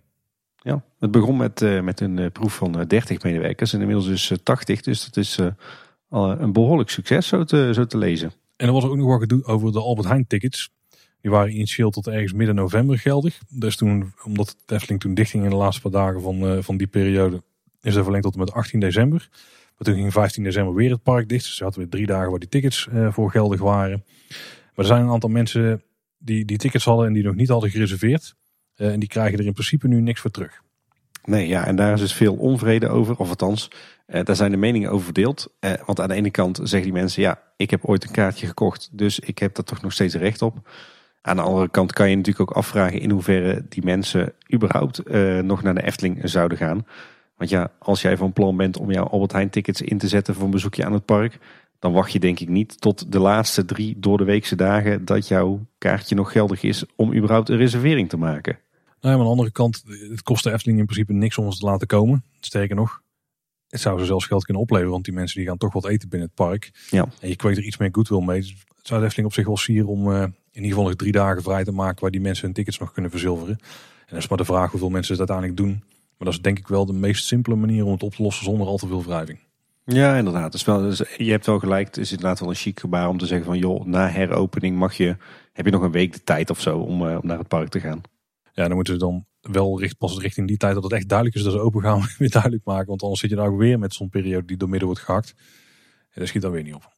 Uh, overigens ook nog wel interessant was. De Efteling heeft natuurlijk uh, toen het park nog open was uh, geëxperimenteerd met speciale wachtrijen voor jongeren tot en met 17 jaar. Volgens mij bij Joris en de Draak en Baron 1898. maar het lijkt erop dat als de Efteling straks open gaat dat die wachtrijen toch verleden tijd gaan zijn. Want het, het OMT, het Outbreak Management Team, die zegt nu dat afstand houden tussen scholieren wel belangrijk is. Dus ja, dan denk ik dat, dat ook jongeren tot en met 17 jaar gewoon in de reguliere wachtrij moeten gaan staan op anderhalve meter afstand van elkaar. Ik kreeg nog een mailtje van Ries met een idee.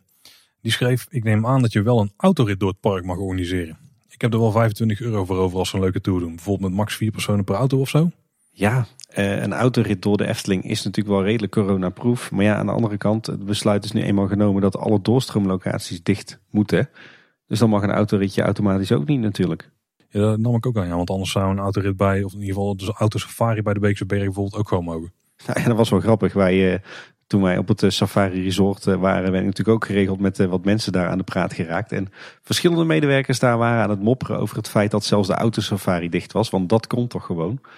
Wel denk de kanttekening dat de Efteling eigenlijk natuurlijk niet geschikt is voor een soort van autosafari. Hè? De Beekse Berg is daar in die zin al, al decennia op ingericht, maar of dat dat in de Efteling ook op alle plekken goed gaat, uh, is natuurlijk maar de vraag.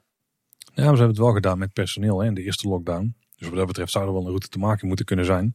En ik zou het zelf ook wel zien zitten hoor. 25 euro per auto. Ja, je bent waarschijnlijk maar een uurtje bezig of zo.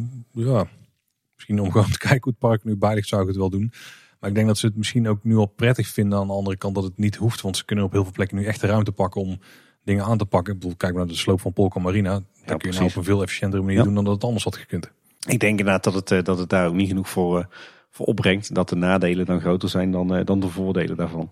Ja, je krijgt dus wel een hoop verkeersbewegingen weer richting de Efteling toe. En dan wil de overheid ook aan alle kanten voorkomen. Dat is een van de redenen dat het niet mag. Nee. Want er zijn natuurlijk heel veel dingen die gewoon veilig kunnen. En ik kan er bijna halve ergquotes omheen maken. Het punt is juist dat we gewoon niet met z'n allen ja, het hele land moeten gaan doorkruisen iedere dag om, om maar ergens heen te gaan. En dat voorkom je op deze manier wel. Ja. ja. Nou, verder een tip die we denk ik gewoon wederom kunnen geven is dat je gewoon blijft betoverd de hashtag moet blijven volgen. Op Twitter zie ik in ieder geval regelmatig toffe foto's voorbij komen. Ja, heel tof inderdaad. En uh, Leon, uh, die is ook weer begonnen. Uh, Leon van het Twitter-account Leon Efteling. En die plaatst nu tijdens de lockdown mooie oude foto's van de Winter Efteling. Van 20 jaar geleden ongeveer. En ook van momenten dat het park gesloten was, maar dat er bijvoorbeeld pers het park heen werd geleid. Ja, klopt inderdaad. Ja, ja toffe foto's, ja. ja. En dan naar het, het, grote punt wat de afgelopen dagen weer in het nieuws stond. Het zwaard van Damocles. Ja, ons fonds die had een interview gegeven in het Brabants Dagblad. En uh, dat was een exclusief interview, blijkbaar. Maar volgens mij geeft hij op allerlei plekken nog een interview. Maar het was in ieder geval het exclusieve interview van de dag. Ja. Denk ik. Uh, de kop was Efteling zet twee stappen terug door corona. En er stond in principe veel oud nieuws in, maar toch ook wel een paar opvallende zaken. En ook wat nieuws wat de Efteling inmiddels zelf had gecommuniceerd. Ja, ik denk toch wel het, het, het, belangrijkste nieuws is denk ik dat uh, dat fonds aangeeft dat het aantal bezoekers vorig jaar gehalveerd is. Ja, en ik weet niet hoe nauw je dat dan moet nemen. Dus het zou misschien neer kunnen komen op 2,6 miljoen bezoekers. Maar ik zou me best kunnen voorstellen dat als het er 2,9 zijn, of misschien wel 3, wat wij een beetje hadden gegokt, dat hij dat dan nog steeds een halvering noemt van het aantal bezoekers. Dat is wel redelijk fors hoor, want, want de meeste leisurebedrijven die nu hun bezoekersaantallen naar buiten brengen, die hebben het toch over een daling van zo'n maximaal 40%. Dus het lijkt erop dat de Efteling eh, toch wel meer geraakt is door de coronacrisis dan andere leisurebedrijven. Misschien juist ook wel vanwege het, het, normaal gesproken hoge bezoekersaantal natuurlijk. Ik kan me dat wel voorstellen, want de Efteling heeft natuurlijk eh, vooral in de zomer ontvangen die zoveel bezoekers dat ze dan gewoon ja, tegen de max van de capaciteit aan zitten.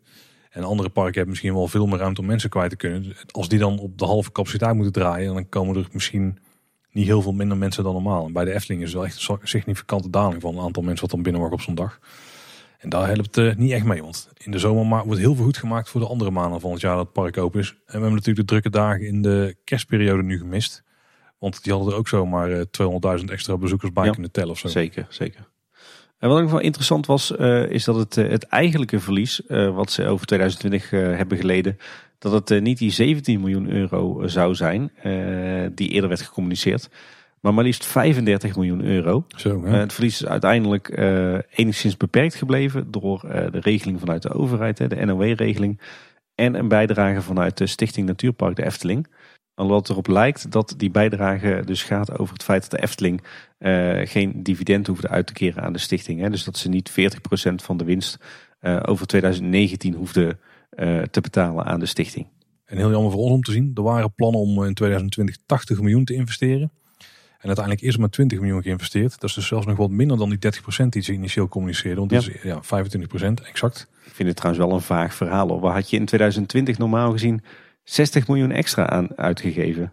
Ja, misschien ze toch alvast de uitbreiding aan de oostkant meegenomen. Ja, dat denk ik wel hoor. Anders kom, ik niet, kom je niet aan 60 miljoen. En dan is het natuurlijk ook een beetje een dubbel verhaal. Hè? Want het komt dan echt niet alleen door corona dat die 60 miljoen niet geïnvesteerd is. Dat komt natuurlijk ook gewoon door de problemen met de bestemmingsplanprocedure. Ja, of ze hebben natuurlijk de, eigenlijk een wolkenkrabber van vrouw Holle gepland. Ja. Met uh, allerlei suites erin en uh, ook een ingebouwd hotel dat je s'avonds in het sprookjesbos mag rondlopen. Ik denk dat daar eigenlijk het plan was daar. Ja, dat kost wel een aantal tiental miljoenen. Nee, maar even, even zonder, zonder gekheid. We hebben natuurlijk een aardig beeld van wat er nog voor investeringen op de planning staan en stonden. Dan heb je het over die zonnepanelen op, op vak M. Je hebt het inderdaad over een vrouw Holle.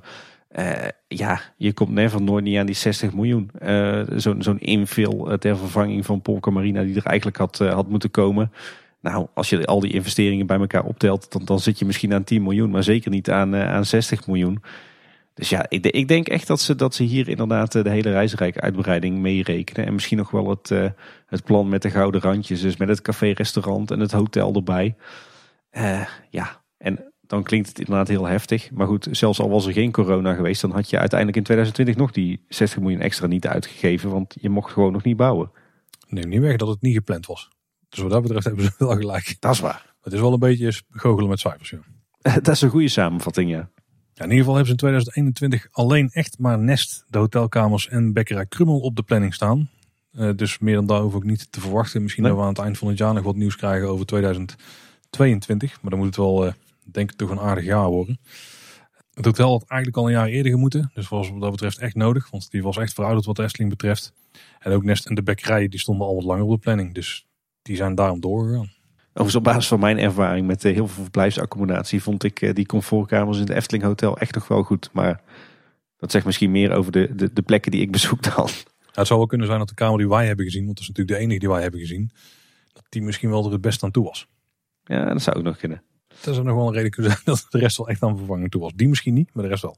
Uh, in het interview werd ook nog even aangehaald dat er het afgelopen jaar dus in totaal 20 mensen van de afdeling evenementen zijn ontslagen.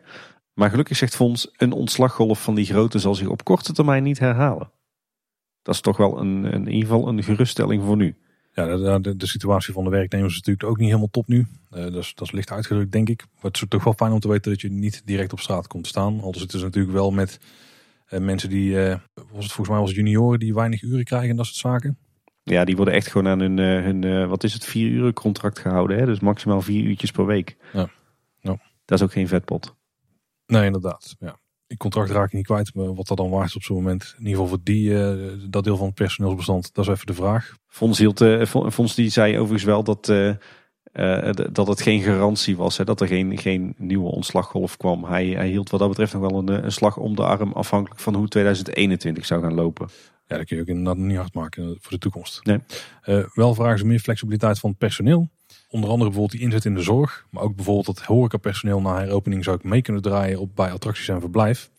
Er wordt nu dus veel geïnvesteerd in bijscholing of omscholing. Ja, het is vooral bijscholing denk ik. Zodat mensen in de toekomst veel flexibeler in te zetten zijn. En ook qua roosters dus uh, een interessante rooster krijgen. En ik denk dat voor de Efteling ook wel interessanter kan zijn. Omdat ze dan misschien minder mensen hoeven aan te nemen.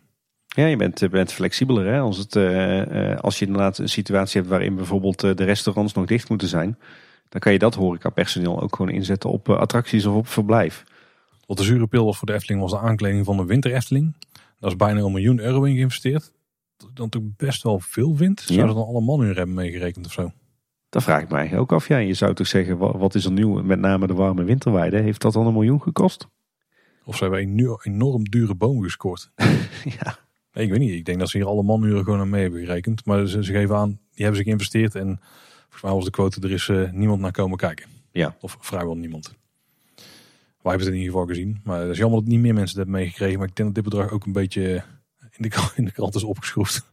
Ja, of misschien dat dit gewoon het, het, het totaalbedrag is hè, van de totale investering die ze jaarlijks doen in, het, uh, in de winter Efteling. Dus dat het niet per se alleen gaat over het nieuwe aankleding, maar meer gewoon over de aankleding van de winter Efteling in de algemene zin. Efteling geeft in ieder geval aan, uiterlijk april, dan willen we weer open. Daarom is er inmiddels een gesprek geweest met de staatssecretaris van Economische Zaken, Mona Keizer. En de zes grote dagrecreaties van Nederland en ik denk de bijhorende burgemeesters, want ook de burgemeesters waren uitgenodigd. Het, eh, het, ging om de Efteling, om Walibi Holland, om Toverland, de Beekse Bergen, Ouwehands Dierenpark en uh, Wildlands Adventure Zoo. Uh, en Loopings die scoorde nog wat citaten na het, na het overleg. En ons fonds die gaf aan dat, dat die er vooral naartoe was gegaan om nog maar eens uit te leggen hoe het, hoe het park ervoor staat. Die 17 miljoen verlies, die kan de Efteling nog net dragen, maar dan moeten we echt wel snel weer open. En de woordvoerder van Wildlands die gaf nog aan, uh, financiële steun is noodzakelijk, aangezien het erop lijkt dat het moment van opening nog behoorlijk ver weg is. We zijn de staatssecretaris erkentelijk voor haar tijd en betrokkenheid en haar intentie om zich voor de situatie van de pret- en dierenparken in te willen spannen. Hopelijk uh, komt er uit. Ja, laten we het hopen. Mochten de parken nou niet open kunnen, dan zou extra steun natuurlijk niet verkeerd zijn, want daar gaat het denk ik ook wel over. Ja, zeker. En een laatste interessante dingetje nog in het interview met Fons is dat hij aangaf dat eh, de Stichting Natuurpark de Efteling een spaarpot heeft van eh, een paar miljoen euro. Ja, dat kan natuurlijk ook nog van alles zijn. En wel een goede, wat een luisteraar volgens mij nog aanhaalde. Dit is waarschijnlijk dus echt wat ze op de bankrekening hebben staan. Dus waar ze direct bij kunnen. Want de Stichting Natuurpark de Efteling is volgens mij een enorm rijke stichting qua bezit. Ja. Want die hebben een berg landen en gebouwen in beheer. Daar word je denk ik best wel bang van. Het totale vermogen van de stichting is natuurlijk enorm groot. Maar in, qua cash hebben ze een paar miljoen nu ter beschikking. Ja, we hebben een paar afleveringen eerder ook al het, uh, het gerucht ontkracht dat de stichting zou bulken van het geld. Hè? Ja, die geven stiekem dus ook best wel veel uit, want die doen ook dus wel eens investeringen in de Efteling zelf. Ja. En als die zonnepanelen komen er ook vandaan, dat is ook wel een forse investering. Uh, die ook gewoon door zou moeten gaan. En denk ook aan de eigen kosten van de, van de stichting en aan de, het geld wat ze uitgeven aan de promotie van het verhaal en het sprookje, aan uh, natuurbehoud, aan Villa Padus. En ze krijgen natuurlijk ook jaarlijks maar 40% van de winst van de Efteling binnen. Dus in die zin is ook wel begrijpelijk dat ze lang niet zo vermogend zijn als wat velen misschien denken. Ja, misschien wel interessant om even te vergelijken. De heeft 17 miljoen verlies gedraaid. Eigenlijk was het 35 miljoen euro. Uh, Toverland heeft inmiddels ook de cijfers bekendgemaakt. Het netto verlies daar is 2,8 miljoen euro. Dus een paar slagen minder. En die hebben een exact percentage van het inzakken van het bezoekersaantallen gemeld. En dat was 38% minder dan het jaar daarvoor. De Efteling blijft nog een beetje wazig over het bezoekersaantal. Want gehalveerd, ja, het zou ook goed 40% kunnen zijn. Dan ja. het nog steeds gehalveerd, denk ik. Dus dat is even afwachten als we het jaarverslag zien. Maar dat is in ieder geval wat er bij Toverland gebeurt. En die hebben in principe, ik weet niet hoeveel bezoekers die exact hebben. Die zitten net onder een miljoen volgens mij. 800.000 ja. staat in 2019 denk ik. Klopt, ja. Dus dat is een slag of zes minder groot dan de Efteling. Dus dat is redelijk evenredig qua verlies. Maar die hebben dan geen stichting erachter staan die het, uh, ja, die het verlies een beetje kan drukken. Nee, ik denk dat het, het grote verschil met name ook zit in het personeel. Hè. Ik denk dat Toverland uh, een veel kleiner vast personeelsbestand heeft uh, dan de Efteling. Waar de Efteling zijn die loonkosten natuurlijk gewoon doorgelopen tijdens de sluiting. Hè. Daar, uh, daardoor kunnen ze minder makkelijk beknibbelen op kosten dan misschien een Toverland. Ja, en de Efteling, wat, wat bij Toverland wel geldt, is denk dat die flink wel afschrijvingen hebben. Maar dat gaf de Efteling zelf ook aan, dat dat bij hen ook gewoon doorloopt natuurlijk. Ja. Ja, wat wij zelf in de vorige nieuwsaflevering fout hebben aangegeven, omdat de berichtgeving van Omroep Brabant in ieder geval niet klopte. Dus loopings nog even achteraan gegaan. Is dat dus de geplande investeringen van 85 miljoen, dus dat die niet voor 2021 waren, maar voor 2020. Dus in het nieuwsartikel zijn die nog een beetje ruim afgerond, zeg maar. Dus er werd 58 miljoen minder geïnvesteerd in 2020. Dus dat was niet wat voorspeld werd voor 2021. Dat, daar weten we ongeveer trouwens van wat de investeringen zijn. Want dat is dus nogmaals Hotel Nest en uh, Bekkerij Krumel. Ja, die investering zal in totaal misschien net rond de 10 miljoen hangen of zo. Ja, klopt inderdaad. Ja, en we zeiden het al eerder, hè, het blijft een, een wazig verhaal waar die 58 miljoen nou, nou over gaat. Ook op loopings. En waar dit precies vandaan kwam, weet ik niet helemaal. Maar de Efteling gaat fans niet vragen om donaties. Volgens mij waren er wel een aantal parken die dat wel gingen doen. Uh, vooral dierentuinen. Ja, die, die gaat er blij op, doet dat. En ik geloof dat een, een aantal Efteling-liefhebbers op social media ook de suggestie hadden gewekt van... joh, moet de Efteling geen, geen geld aan de fans gaan vragen? Nou, op zich kan ook op dit moment. Je kunt de Efteling gewoon geld geven. Dan ga je naar het pakhuis, de huidige webshop van de Efteling, die, waarvan ze nog steeds blijven volhouden dat het een tijdelijke webshop is. Efteling, ik zou hem gewoon aanhouden, want volgens mij is het ideaal. Ik wou net zeggen. Want daar kun je gewoon geld uitgeven wat direct naar de Efteling gaat. Waar ze wel een beetje van afzet moeten wegleggen voor de producten die ze moeten inkopen. Als je daar gewoon dure dingen koopt, dan steun je de Efteling ook prima. Dat vinden ze helemaal niet erg. Ja, en als je gewoon geld wil doneren, doe dat dan misschien uh, bijvoorbeeld aan Villa Padus. Die hebben het, uh, hebben het ook heel hard nodig. Overigens reageert een woordvoerder van de Efteling om een donatie vragen vinden we niet gepast, omdat er mensen zijn die het nog veel slechter hebben in deze tijden. De zorg, eenzame ouderen, gezinnen die afhankelijk zijn van een voedselbank. Nou, een heel eh, terecht antwoord. En er wordt voor die vervolgt trouwens, als je dan toch de Efteling wil steunen, kom dan maar gewoon weer naar de Efteling wanneer dat weer mogelijk is. En Efteling hoopt op loyaliteit van abonnementhouders en uh, verwacht dat iedereen in 2021 weer een bezoek heeft gepland. Ik heb het uh, inmiddels weer ingepland. Ja, nog iets wat we hoorden wat hiermee te maken had. We hebben begrepen dat de Belgische marketingafdeling van de Efteling zou zijn opgedoekt. En dat gaat met name het fysieke kantoor in België. En medewerkers krijgen de kans om in Kaatsheuvel te komen werken. Maar ja, dit is waarschijnlijk weer zo'n situatie van een bedrijf wil toch wat, wat, wat het personeelsbestand een beetje uitdunnen. En dan gaan ze verhuizen. Ik maak even quotes, want het zit natuurlijk in Kaatsheuvel. Wat heel veel mensen niet willen en die gaan dan een alternatief zoeken. En die blijven daarbij waarschijnlijk weg bij eh, de nieuwe locatie. Dus ik denk dat, dat er niet heel veel Belgische medewerkers overblijven. Nee. nee, maar ik kan me ook wel voorstellen dat je in dit soort tijden niet ook nog eens een, eh, een duur marketingkantoor ergens in Antwerpen wil aanhouden, toch? Ik bedoel, als je dan toch in kosten moet gaan snijden, is dat wel een logische bezuiniging. En mocht het nodig zijn, dan is het misschien makkelijk gezegd, maar is het redelijk vlot weer opgetuigd? Lijkt me wel. Ik denk dat er zat uh, kantoortjes te huren zijn in België ook hoor. Als het allemaal weer wat beter gaat economisch. De komende maanden is in ieder geval weinig te reizen tussen Nederland en België. Dus wat dat betreft... dat is ook vrij lastig ja. Ja, dan onderhoud Tim. Ja. Het leek er toch heel lang op dat dit een heel leeg blokje ging worden. Maar op de valrepen hebben we toch nog wel items erin kunnen schuiven. Ja, een hele, een hele waslijst inderdaad. Met, eh, met dank aan, eh, aan de communicatieafdeling van de Efteling. Of eigenlijk aan eh, het blog. Nee, we hebben weer het een en ander over onderhoud te melden. Nou, brand los.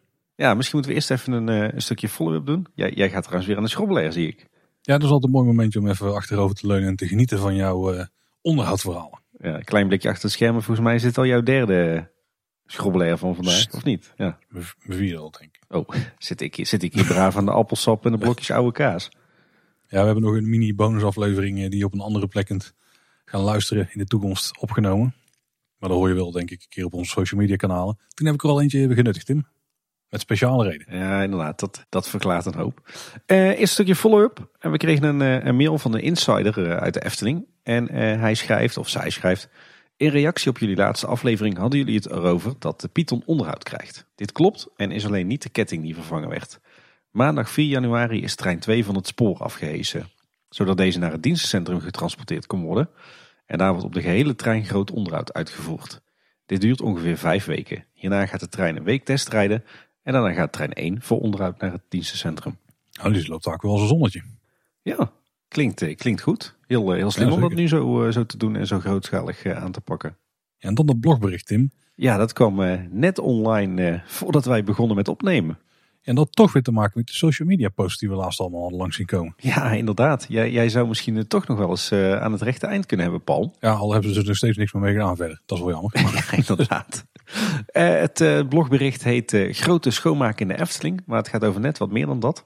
Uh, het, het, gaat eigenlijk over al het, uh, het, onderhoud en het schoonmaakwerk wat de afgelopen weken is gebeurd. Uh, terwijl het park dicht was. En daar krijgen wij natuurlijk hele warme gevoelens van, van zulke soort berichten. Tenminste, ik wel. Ik weet niet of dat voor jou ook zo geldt, Paul. Ik krijg het van binnen redelijk warm op dit moment, ja. Goed.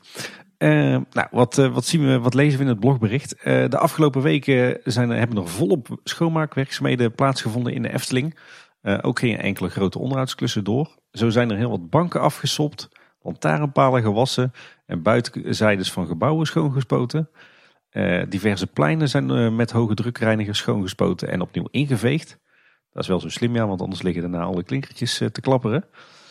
En in dat blogbericht zagen we inderdaad die, die twee Twitter-posts van medewerkers van de Efteling die de tanden van Draak Etna aan het poetsen waren en die de baan van Max en Moritz aan het afsoppen waren met een doekje.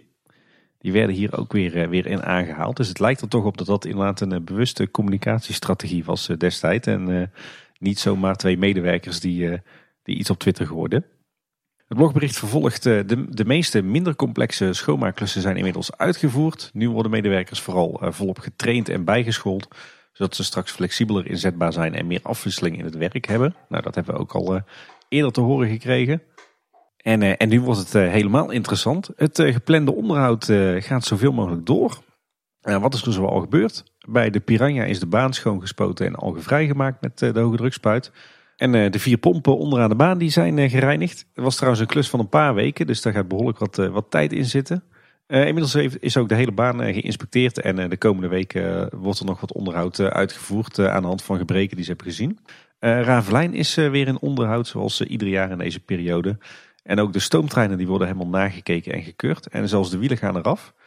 Ik eh, ben wel benieuwd of dat het alleen geldt voor Aagje en Moortje. Of dat ze nu ook treintje aan gaan pakken. Want we hoorden verhalen dat daar al heel lang niks meer aan was gebeurd. En dat ze daarom niet meer kon rijden. Verder vindt bij de Vliegende Hollander ook weer het jaarlijkse groot onderhoud plaats.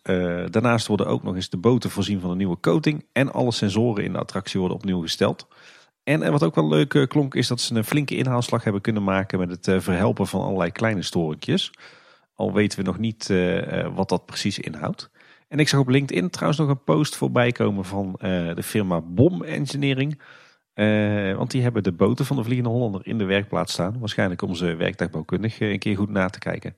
En uh, verder werd er trouwens ook nog aan toegevoegd dat het niet mogelijk is om alle onderhoudswerkzaamheden van het, het hele jaar juist in deze week uit te voeren tijdens een sluiting. want vaak zijn bij dit soort onderhoudsprojecten materialen en mankrachten al maanden van tevoren vastgelegd en gepland. Wat wel een voordeel is, is dat de geplande werkzaamheden en keuringen nu overdag kunnen worden uitgevoerd in plaats van s s'avonds of s ochtends voor openingstijd. Al met al een, een heel interessant bericht en goed om te zien dat er in ieder geval al het reguliere onderhoud lekker doorgaat. En daarnaast hebben we gehoord dat de treinen van Joris en de Draak ook in onderhoud gaan ombeurten. Um, en we hebben ook gehoord, wat minder officieel, dat dit waarschijnlijk in een tent gebeurt ergens. Mogelijk eigenlijk op uh, strookdraak ergens. Ja.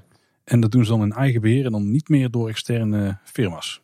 Nee, dat is op zich wel mooi. Dat is een gerucht dat, dat hebben we wel uh, vaker opgevangen de laatste weken. De laatste jaren heeft Efteling heel veel onderhoud eh, uitbesteed aan ingehuurde medewerkers of zelfs volledig in de markt gezet bij firma's die dan het onderhoud volledig overnamen. En het lijkt er nu op, tenminste dat, dat, dat zijn de geruchten, dat de Efteling steeds meer van dat soort contracten terughaalt naar, naar de eigen organisatie. Dus dat de externe firma's eruit gaan en dat ze het weer gewoon met eigen personeel gaan doen. Dat is natuurlijk heel begrijpelijk in deze tijden. Hè? Het, je houdt je eigen personeel dan aan de gang. En die toch vaak dure onderhoudscontracten, daar kan je op, eh, op bezuinigen. Dus lijkt me een, eh, een goede ontwikkeling. Ook voor de, het vasthouden van de kennis en de expertise in het eigen technische bedrijf. En verder is de onderhoudskalender wel veel leeg, Tim. Ja, inderdaad. Alleen de Piranha staat er nog op. Tot en met 31 maart, maar verder is het leeg. Dus we hebben ook weinig gevoel erbij wat er de rest van het jaar nog aan onderhoud gaat gebeuren. En misschien blijft het ook wel bij dit soort reguliere jaarlijkse onderhoudsklusjes en gaan we helemaal geen, geen groot onderhoud of renovaties meer zien. Zou gezien de, de financiële positie van de Efteling natuurlijk ook niet heel erg verbazingwekkend zijn. Ja, als we nog iets willen meekrijgen van wat er in Efteling gebeurt qua onderhoud, dan moeten we gewoon een rondje om de Efteling doen. Ja, inderdaad. Dat heb ik de laatste weken vaak gedaan. Op de fiets of te voet met de kids. Je, je moet toch wat in de lockdown hè, als alles dicht is. Ja, dat bevestigt wel het beeld. Ik heb inderdaad heel veel uh, mensen, medewerkers van de Efteling gezien met, uh, met een hoge drukspuit. Die inderdaad de straten, de, de gebouwen, de lantaarnpalen, de bankjes aan het schoonspuiten zijn. Um, volgens mij hebben ze zo'n beetje alles wat, waar je maar met de hoge drukspuit overheen kan gaan, is afgespoten. En, en vandaag zag ik trouwens ook nog het, ik denk het, het, het toppunt van we moeten ons personeel aan de gang houden. Want vandaag stonden er twee Efteling-medewerkers de raampjes van het oude Rabobank kantoor te zemen. Oh, oké. Okay. Wil ze hem extra verkoopbaar maken? ja, ik denk het. Het is natuurlijk nog steeds uh, Efteling eigendom, dus uh, ik snap het. Maar ik vond het heel bijzonder om daar uh, Efteling dames de ramen te zien wassen. Ja, die die hadden ze wel kunnen gebruiken afgelopen jaar. Of zou er stichtinggeld zijn geweest? Nee, ik denk dat die wel van, van de BV is. En dan gaan we door naar het kort nieuws. Eh, vandaag op 21 januari, als we het opnemen, is er een contract getekend met Flowcharging Eneco. En daarbij wordt de huidige elektrische laadpalen bij de hoofdentree, er zijn er nu 54, uitgebreid naar 174 stuks. Hoppa. Als ik even heel snel hoofdreken, dan zijn er op zijn minst twee rijden bij. Of in ieder geval, ja, twee rijden bij, want nu staan ze aan één kant. Dus ik denk dat ze gewoon één hele strook erbij pakken. Die investering wordt niet door de Efteling zelf gedaan, maar die wordt volledig gedragen door Flowcharging en Eco. Eh, dat is ook de bestaande partner voor de huidige palen. En die werkzaamheden die starten al in februari en eh, ja, ergens in maart zou het klaar moeten zijn. En ik snap wel dat Eneco deze kosten betaalt, want als je daar aan een paal hangt met je, met je auto, dan tik je daar ook gewoon geld voor af. Ze zullen wel gewoon een studie hebben gedaan voor de capaciteit die nodig is. En die was wel in ieder geval te klein op drukkere dagen. Dus dan uh, ja, tikken ze gewoon, weet het niet, ik denk iets van 15 cent binnen of zo. Eneco is natuurlijk zelf energieleverancier, dus die zullen het belastingvoordeel ook nog hebben. Dus misschien wel 25 cent per kilowattuur die je binnen tikt daar. Ja, maar dat is toch wel een forse uitbreiding. Hè? Het, is, het is keer drie en dan uh, nog een beetje. Ja. Dat kan natuurlijk ook omdat de volgende rijen net iets langer zijn steeds. Ja, dat is waar. Ik denk dat het gewoon één hele rij erbij is. Gewoon de rij eh, die er al aan vast zit. Die nu vaak is afgezet omdat die half dient als uitrijstrook voor, uh, voor KLM. Ja. Misschien dat ze dat dan ook uh, gaan fatsoeneren. Dat zou wel fijn zijn, ja. En, en een goede loopstrook, een veilige, veilig voetpad richting de hoofdentree. Dat zou ook wel fijn zijn. Ja, die is er in principe gemaakt nu. Hè? Net aan de, ja, de andere kant van de huidige laadstrook. Alleen mensen weten hem nog niet te vinden. dat is wel een beetje een punt. Hij is nog niet herkenbaar als, als looppad. Dat scheelt ook. En nee, ik denk dat dit ook hard nodig was. Als je zag hoe, hoe snel al die elektrische laadpalen al eh, bezet waren op sommige dagen, dan, uh, dan denk ik dat hier echt wel vraag naar is. En zeker ook uh, richting de toekomst. Was het ook niet een van jouw glazen bolpuntjes? Ja, zeker. Officieel, Paul, is de tussenstand volgens mij nu uh, 1 tegen 4, toch? Oeh, ja, ik speel de long game, hè. Dus 1-4, ja, dat is een voordeel van jou dan, hè? Ja, inderdaad. Wordt denk ik wel 3-4, want je had ook nog voorspeld dat de herauten opnieuw worden opgeschilderd en dat er uh, dit jaar niks aan vrouw Holle gebeurt. Nou, dat zijn denk ik twee zaken waar we vrij zeker van zijn. Maar uh, dan sta ik nog één puntje voor op jou uh, wat betreft de glazen bol. Nou, voorlopig gefeliciteerd. Dankjewel. En kom niet af in oktober met een flesje schrobbelen, hè Paul? Want, ja, die heb ik zelf wel op. Doe dan maar gewoon een, een shortcake. Ah, dat kan ik wel regelen dan. Komt goed. er is ook een merchandise nieuws. Het eerste wat ik even moet, moet melden is dat ik de vorige keer nog een klein pleidooi gaf dat het pakhuis ook moet gaan verzenden naar België. Dus de webshop van de Efteling. En volgens mij hebben ze een dag nadat wij het hadden opgenomen al bekendgemaakt dat ze dat ook gingen doen. Dus goed gedaan Efteling. De verzendkosten erbij die zijn wel redelijk fors. Onder de 50 euro moet je 13 euro verzendkosten betalen. Boven de 50 euro waarbij het in Nederland gratis is, zijn de verzendkosten naar België 7 euro. Nou, het kan in ieder geval en dat is dus gunstig voor de Belgische luisteraars en Efteling liefhebbers. Ja, en dan uh, kregen we nog een leuke, leuke tip van luisteraar uh, Niels Kroijman. Uh, want die vermoedt namelijk dat de begane grond van het, het Loonse Landhotel gebruikt wordt als webshop.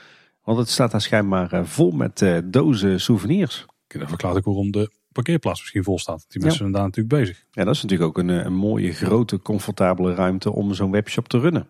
Ja, slim. Wordt wel een probleempje zodra het Loonse Land weer open mag natuurlijk. Want dan kan je nergens naartoe met je webshop. Ja, dat is waarschijnlijk ook het punt dat, waarom ze zeggen dat die dus weer gaat sluiten dan. Hè? Zou het daar zijn?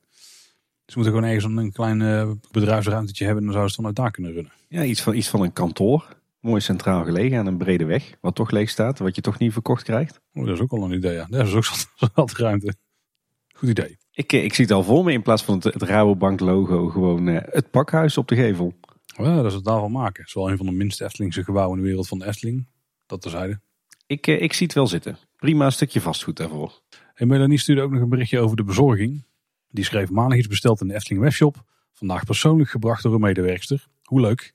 Dus ook in loon komen ze het persoonlijk brengen. Niet met het rijdende cadeautje, maar met een mooie bedrijfsauto. Ik kreeg ook nog een mooi mailtje van Carlo van Schijndel, uh, groot Efteling verzamelaar. En uh, we hebben hem ook al een keer in, onze af, in een van onze afleveringen te gast gehad. Toen het ging over uh, de charme van verzamelen. En Carlo die schrijft, uh, jullie hadden het over de pins in het smitje. Hoeveel daarvan zijn? Tim dacht ongeveer 10 à 15. Maar het zijn er ondertussen zelfs 28. Zo. Er zijn in de loop der jaren zeven series van telkens vier pins uitgebracht. De pins in het smitje kosten overigens 1 euro per stuk. Mocht je ergens een complete verzameling tegenkomen is 50 euro zoals Tim al opperde een mooi bedrag. Maar het is altijd maar net wat de gek ervoor geeft. Groeten, Carlo. Nou, bedankt Carlo voor die extra informatie. Het is handig dat je iemand uh, die zo'n verzamelaar is als Carlo in je netwerk hebt zitten. En als, de, als het inderdaad echt al 28 pins uh, zijn, dan heb ik daar misschien nog wel meer voor over dan 50 euro. En we hadden het de vorige keer ook over die Carnaval Festival Landenpins. En dat er een uh, 6000 exemplaren van beschikbaar zouden zijn. En die kon je ook inzichtelijk krijgen via de webshop. Maar dat getal dat leek soms weer omhoog te schieten. Want ze waren zo goed als uitverkocht en toen waren er toch weer in één keer 550 of zo beschikbaar. Dus het lijkt dat ze af en toe worden aangevuld. Dus houd in de gaten. Het zou vreemd zijn, want 550 is wel een hele kleine oplage voor Ja. een herdruk. Dus hoe dat dan precies het, wij weten het niet. Maar houd in de gaten misschien dat ze nog eh, verkrijgbaar zijn. Ja, misschien hadden ze nog eens een, eh, een doosje gevonden. Die niet was geopend, ja. dat zou zomaar kunnen. Ehm, er was trouwens ook weer een eh, leuk berichtje op de Efteling blog. Eh, want nu de lockdown verlengd is, blijft natuurlijk ook het, eh, het pakhuis langer actief. En er worden wekelijks nieuwe producten toegevoegd. Zo zijn er inmiddels 10 extra producten uit de Efteling-lijn van Blond Amsterdam toegevoegd. Inclusief een nieuwe Big Shopper tas. Ben ik overigens geen groot fan van, van die stijl. Maar goed, ieder zijn ding, zullen we maar denken. De houten skyline van de Efteling is weer op voorraad. Eh daar geven ze trouwens ook nog een leuke tip. Want ze krijgen eh, af en toe een fotootje binnen van mensen die hem hebben neergezet. En er eh, heel mooi licht achter hebben gemaakt met een ledstrip. En dat ziet er dan best wel spectaculair uit. En er zijn verschillende winterse Efteling artikelen in, in de uitverkoop. Zo kan je een winter Efteling mok en een Villa Padus sjaal krijgen voor gereduceerd tarief. En verder waren er nog wat, wat luisteraars die ons tipten dat er verschillende nieuwe eh, souvenirs eh, zijn toegevoegd aan het aanbod van het pakhuis. Of souvenirs die niet eerder via het pakhuis te verkrijgen waren. Eh, zo zijn er nu canvas tassen met een print van Langnek en eentje van de Indische waterlelies voor 6 euro. Erg fraai moet ik zeggen. Er is ook een roze, knalroze t-shirt van, uit de Droomvlucht-serie voor volwassenen. Voor 15 euro. Zou ik minder snel mee gaan lopen, denk ik. En je kunt nu ook het, eh, het gele t-shirt en de scheetkussens van Max Moritz krijgen in de webshop. En ook de eenhoornsloffen. En deze week is er eh, trouwens ook nog een winactie. Want de Efteling die geeft eh, drie keer 75 euro shop te goed weg voor het pakhuis. Je moet alleen even een, een prijsvraagje invullen. Ja, en 21 januari bestond Efteling Kids Radio 12,5 jaar. En vorige week hebben ze daarom een hele week gehad waarbij aandacht werd besteed aan jubileums met winacties en terugblikken. Dat was een show van DJ Mark. In de middagshow van 4 tot 6 eh, ja, kreeg het jubileum alle aandacht. Ja, tof. Wij luisteren er eh, thuis heel graag naar. Het houdt je toch een beetje in dat, eh, het Efteling sfeertje. Het is vaak nog hele goede muziek ook. Nog een klein dingetje wat we tegenkwamen op LinkedIn. Olaf Fuchs die blijkt sinds augustus 2020 ook een eigen bedrijfje te hebben. Met de, de, de zeer imaginative titel Olaf Fuchs Imagineering Adviesbureau Fuchs Co. Ik denk twee namen voor hetzelfde Ja. bedrijfje. Dus die is ook nog naast de Efteling al was bezig met wat je wel meer ziet bij directeuren die op een gegeven moment het park gaan verlaten. Met, met ja, een consultancybureau. hè. Ja, ja Olaf Fuchs is natuurlijk heel lang eh, directeur geweest eh, bij de Efteling. Hij eh, heeft een stapje teruggezet een paar jaar terug. Hij is nu conceptleider, volgens mij bij, bij de ontwerpafdeling. Eh, en blijkbaar eh, mag, eh, mag hij er iets bij gaan doen. Namelijk zijn eigen bureautje. Ja, dat hebben we natuurlijk ook gezien bij eh Reinhard van Assendelft de Koning. Ja. ehm, maar ook bij Erik van den Brand. Ja, inderdaad. Ja, goed. de- dat zijn allemaal mensen die, die hebben dat natuurlijk gedaan toen ze, nadat ze afscheid hadden genomen van de Efteling. Olaf Fuchs werkt natuurlijk nog bij de Efteling. Maar misschien dat hij minder uren gaat maken. Misschien is er nu ook even tijdelijk wat minder, wat minder te ontwikkelen aan concepten. En heeft hij er behoefte aan om dan een uitdaging buiten de Efteling te zoeken, part-time. Zo zal het wel zijn. Ja. Nou, de Raad der Wijze, daar hebben we het de afgelopen tijd al enorm vaak over gehad. Daar heb jij inmiddels opnieuw aangemeld, Tim. Ja. Goed bezig. Er staat ook een junior Raad der Wijze. En daar was ook een onderzoek naartoe gestuurd. Waar kijk jij graag naar? En toen ging het niet om eh, nou, wat voor objecten of zo. Eh, want het ging om, eh, om gewoon YouTube-kanalen die je volgt of, of andere media-uitingen. En daar kwam onder andere uit dat de junior Raad der Wijze graag kijkt naar Freek Vonk. Het meisje Jamila. Geen idee wie het is. Nee. Dylan Hagens, daar hebben we er nog wel eens vaak van gehoord. En de Ravelijnruiters. Ik kijk ook graag naar de Raverlijn Ruiters, vooral eh, Lisa en Emma. Ehm, en, ehm, en er werd er ook nog gevraagd naar wat voor onderwerpen dat, eh, dat de leden van de Junior Wijze graag kijken. En ze geven aan dat ze graag een kijkje achter de schermen krijgen bij attracties. Ja, doen wij ook. Ja, wat gebeurt er voor en na sluitingstijd? Ja, wij ook. En eh, de bouw van nieuwe attracties. Ja, wij ook. Ja, inderdaad. Ik moest smakelijk lachen toen ik dit las. Ik dacht, die, kinderen, die kinderen zijn zo gek nog niet. Nee, prima uitslag. Ja, inderdaad. Ja, dan weer een, award die er gewonnen is door de Efteling. De Efteling heeft eh, de Most Remarkable Venue Award gewonnen bij Tickets. Het is een wereldwijd opererend ticketplatform. Ik heb geen idee hoe gerenommeerd deze prijs verder is. Ik ook niet. Maar de Efteling zit nu in de finale. En dan moet ze het opnemen tegen andere venues om de Most Remarkable Venue of the World te worden. Hey, dit kan misschien wel iets zijn wat Jeremy Clarkson mooi kan uitspreken. The Most Remarkable Venue of the World. Nee, Zo goed als hem kan ik dat niet. Nee, precies. Nou, je komt wel aardigheid in de richting op, Paul. Je hebt wel de, dezelfde bas te pakken. Ja, dat valt niet tegen. Hè? Nee. En er stond eh, een tijdje terug ook nog een eh, leuk interview in, eh, in het Brabants Dagblad en in andere regiokranten van het AD. Met Hans Schaap, de man achter de Hollandse golfbaan-exploitatiemaatschappij. Ik moest even nadenken wat het ook alweer was. wat een backbreaker. Ja, uh, de club die, die nu de exploitatie van het, het voormalige Efteling Golfpark heeft, heeft overgenomen. Dat nu natuurlijk Golfpark Loonse Duinen heet. En er stonden toch nog wat interessante dingen in voor ons. Want wat blijkt, ehm, de HGE, de Hollandse Golfbaan Exploitatiemaatschappij, deze keer ging hij wel goed, die is in eerste instantie benaderd door Golfclub de Efteling. Niet door de Efteling BV, wat wij dachten. Want het was namelijk de Golfclub die een partner zocht voor het onderhoud aan de baan. Want zij wilden de exploitatie van het golfpark in eerste instantie zelf gaan doen als golfclub. Uh, maar dat bleek te ingewikkeld. En toen heeft eh, de HGE aangeboden om niet alleen het baanonderhoud te gaan doen, maar ook gewoon de hele exploitatie. En zodoende dat ze nu vanaf de kerst de exploitatie hebben over het hele golfpark. Hij zegt onder andere, we zijn nu druk bezig met een facelift voor het paviljoen. Schilderen, andere tafels en stoelen. En natuurlijk pakken we ook de 18 holes aan. En ze willen golf op maat gaan aanbieden. Want zo zegt hij, net als veel andere golfparken in Nederland heeft het op zijn status geleund. Gelegen in een prachtige omgeving, de naam van de Efteling eraan verbonden, een pareltje in het Brabantse landschap. Daar betaalde je ook voor per jaar. Jonger publiek, dertigers, veertigers, wil dat niet meer. Dat eist maatwerk. Dus kiezen we voor een gedifferentieerd lidmaatschap. Dat is eerlijker. Nou, okay. klinkt uh, veelbelovend. En uh, tussen, tussen neus en lippen door uh, benoemde hij trouwens ook nog dat het ledenaantal van de Efteling Golfclub inmiddels was gedaald tot 550. Ik geen idee of dat, dat veel of weinig is voor een golfclub. Maar... Ik zit er ook niet helemaal in. ik zag trouwens dat, dat het golfpark nu ook een nieuwe website heeft golfparkdeloonseduinen.nl. Ik heb even een beetje zitten scrollen en er staan ook best wel wat interessante dingen op. Ehm, over de nieuwe lidmaatschappen, over de verschillende manieren waarop je op een laagdrempelige manier kan kennismaken met golf. En verder ook wat, wat leuke kleine dingetjes zoals dat de horeca nu tijdelijk takeaway is vanwege corona. En ze zoeken trouwens ook nog mensen, want ze hebben een vacature voor front office medewerker en ze zoeken nog een medewerker huishoudelijke dienst. En Paul, ik denk dat we binnenkort toch maar eens op eh, de koffie moeten in het, eh, het vernieuwde golfpark. ik ben toch wel benieuwd hoe het is geworden inderdaad. Ja. En dat dier de kwakzalver die heeft natuurlijk eh, jaren in de zomer voor Fata Morgana gestaan. Heeft hij geprobeerd om shampoo te slijten en andere snuisterijen. Uh, Efteling 64 Remix, zoals wij hem kennen op Twitter, die ontdekte dat die vereeuwigd is in Fata Morgana. Ja, want wat, wat heeft Eftel 64 Remix nou ontdekt? Op het krantje dat een van de wachtenden voor de tandarts in zijn handen heeft, op, in de marktscène, daar vind je een zwart-wit foto van Nadir. Heel tof detail. Ja, zeker, ja. Goed, goed opgelet, Eftel 64 Remix.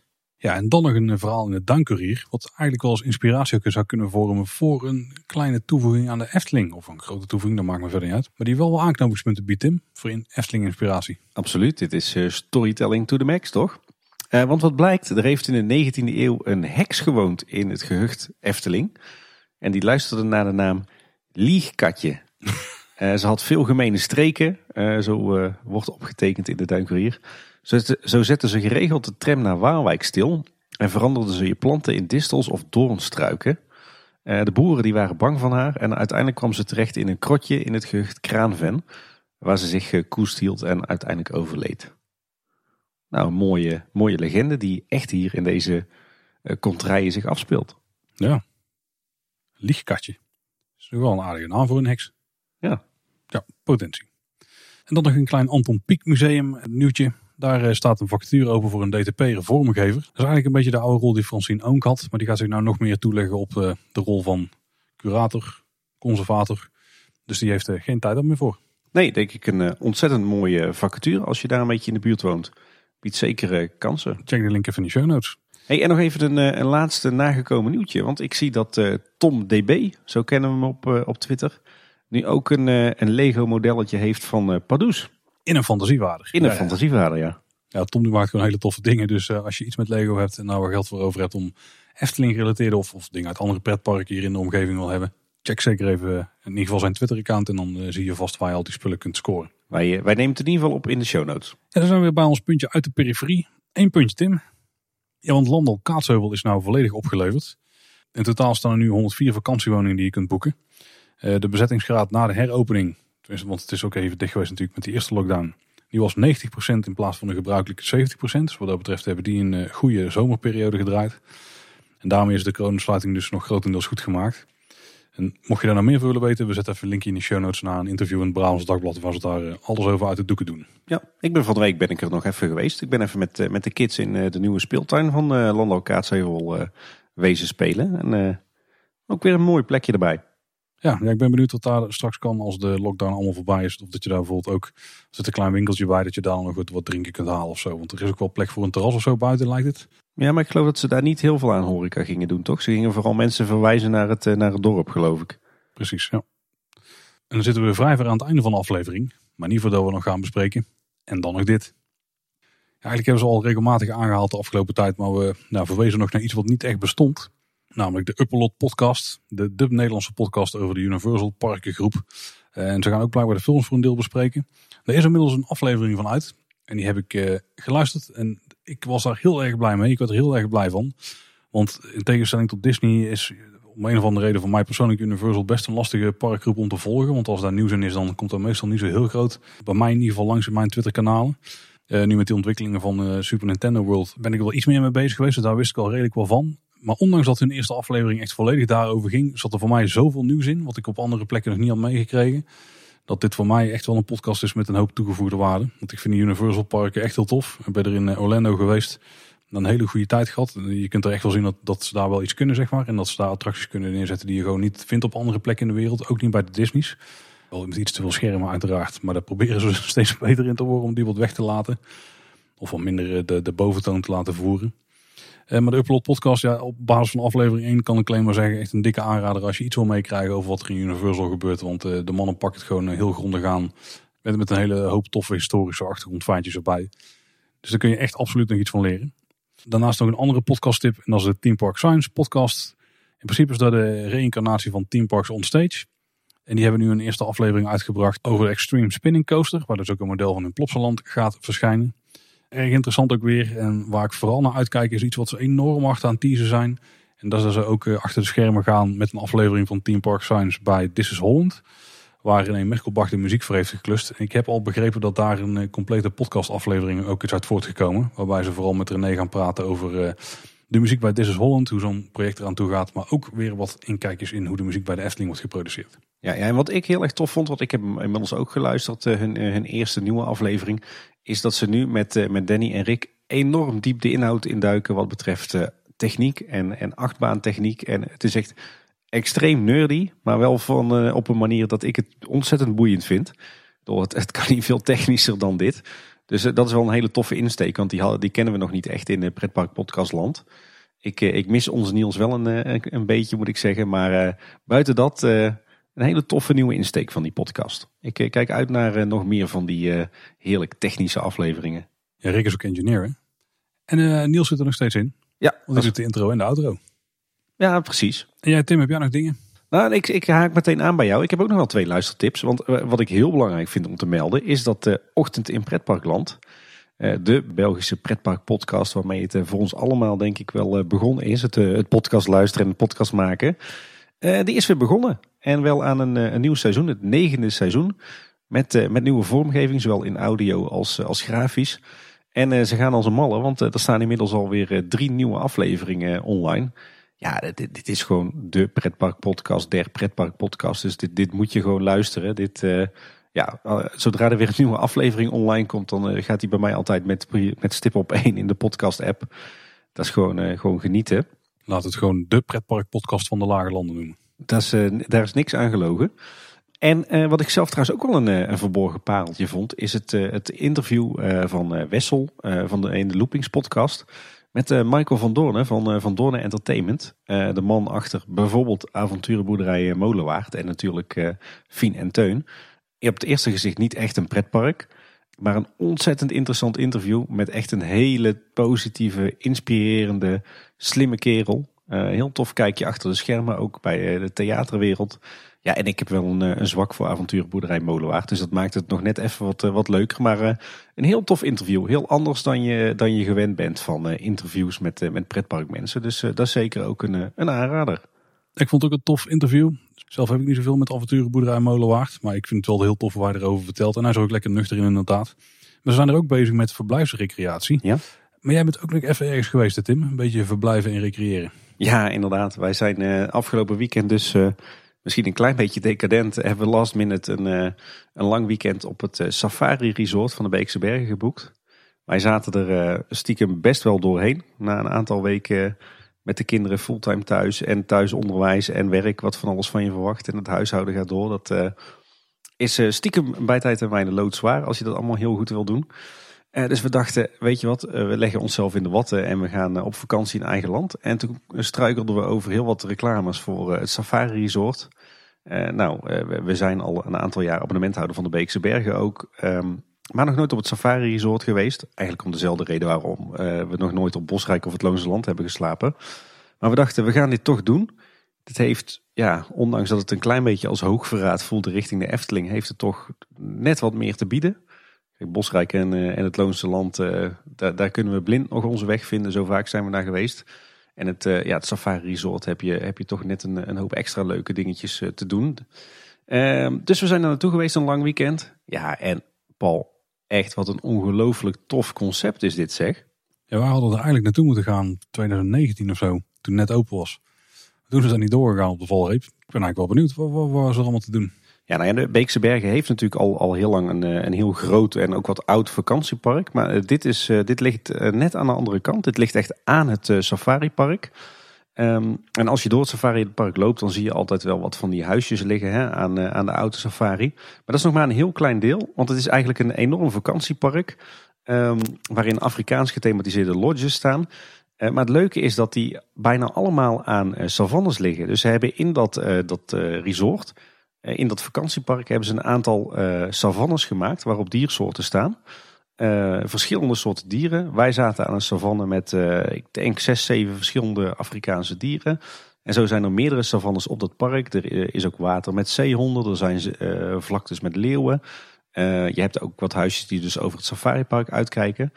Maar als je dus een bepaald soort lodge boekt, dan zit je dus gewoon met de achtertuin, met het terras aan zo'n savanne. En dat hebben ze heel slim gedaan met, uh, met uh, het verloop van hoogtes. Waardoor het echt lijkt als je uit jouw, uh, vanuit jouw woonkamer naar buiten kijkt. Dat jij gewoon giraffen en neushoorns in de, de achtertuin hebt staan. Want hoe ver is, als je het gokt, hoe ver kwamen de dieren van je achteruit vandaan waar jij doorheen keek? Nou, ik denk, ik denk dat, dat tussen het terrasje en de gracht zat, ja wat zal het zijn? drie, vier meter. En dan had je, had je een gracht. En uh, daar begon het, uh, het dierenverblijf al. Oh, dat is wel echt heel dichtbij. Ja, heel tof Want ik heb best wel veel foto's van jou langs zien komen. Hè? Want het was ook niet zo heel warm dat weekend. Volgens mij was het... Uh, we vroren het ook gewoon s'nachts. Ja, ja, het sneeuwde Toch staan er een hoop dieren buiten. Ik zag een giraf inderdaad langskomen, zebra's bij jou en volgens mij struisvogels. Ja, inderdaad. Giraffen, zebra's, struisvogels, neushoorns, elandantilopes, zeeboes. Dat stond bij ons allemaal in, in de achtertuin. Ja, en verder echt super de luxe. Kijk, de huisjes van buiten zijn, zijn niet extreem fraai. Dat zijn gewoon blokken. Maar van binnen uh, enorm ruim. Nou, het, wij hadden het gevoel dat we in een gebouw sliepen in plaats van in een huisje.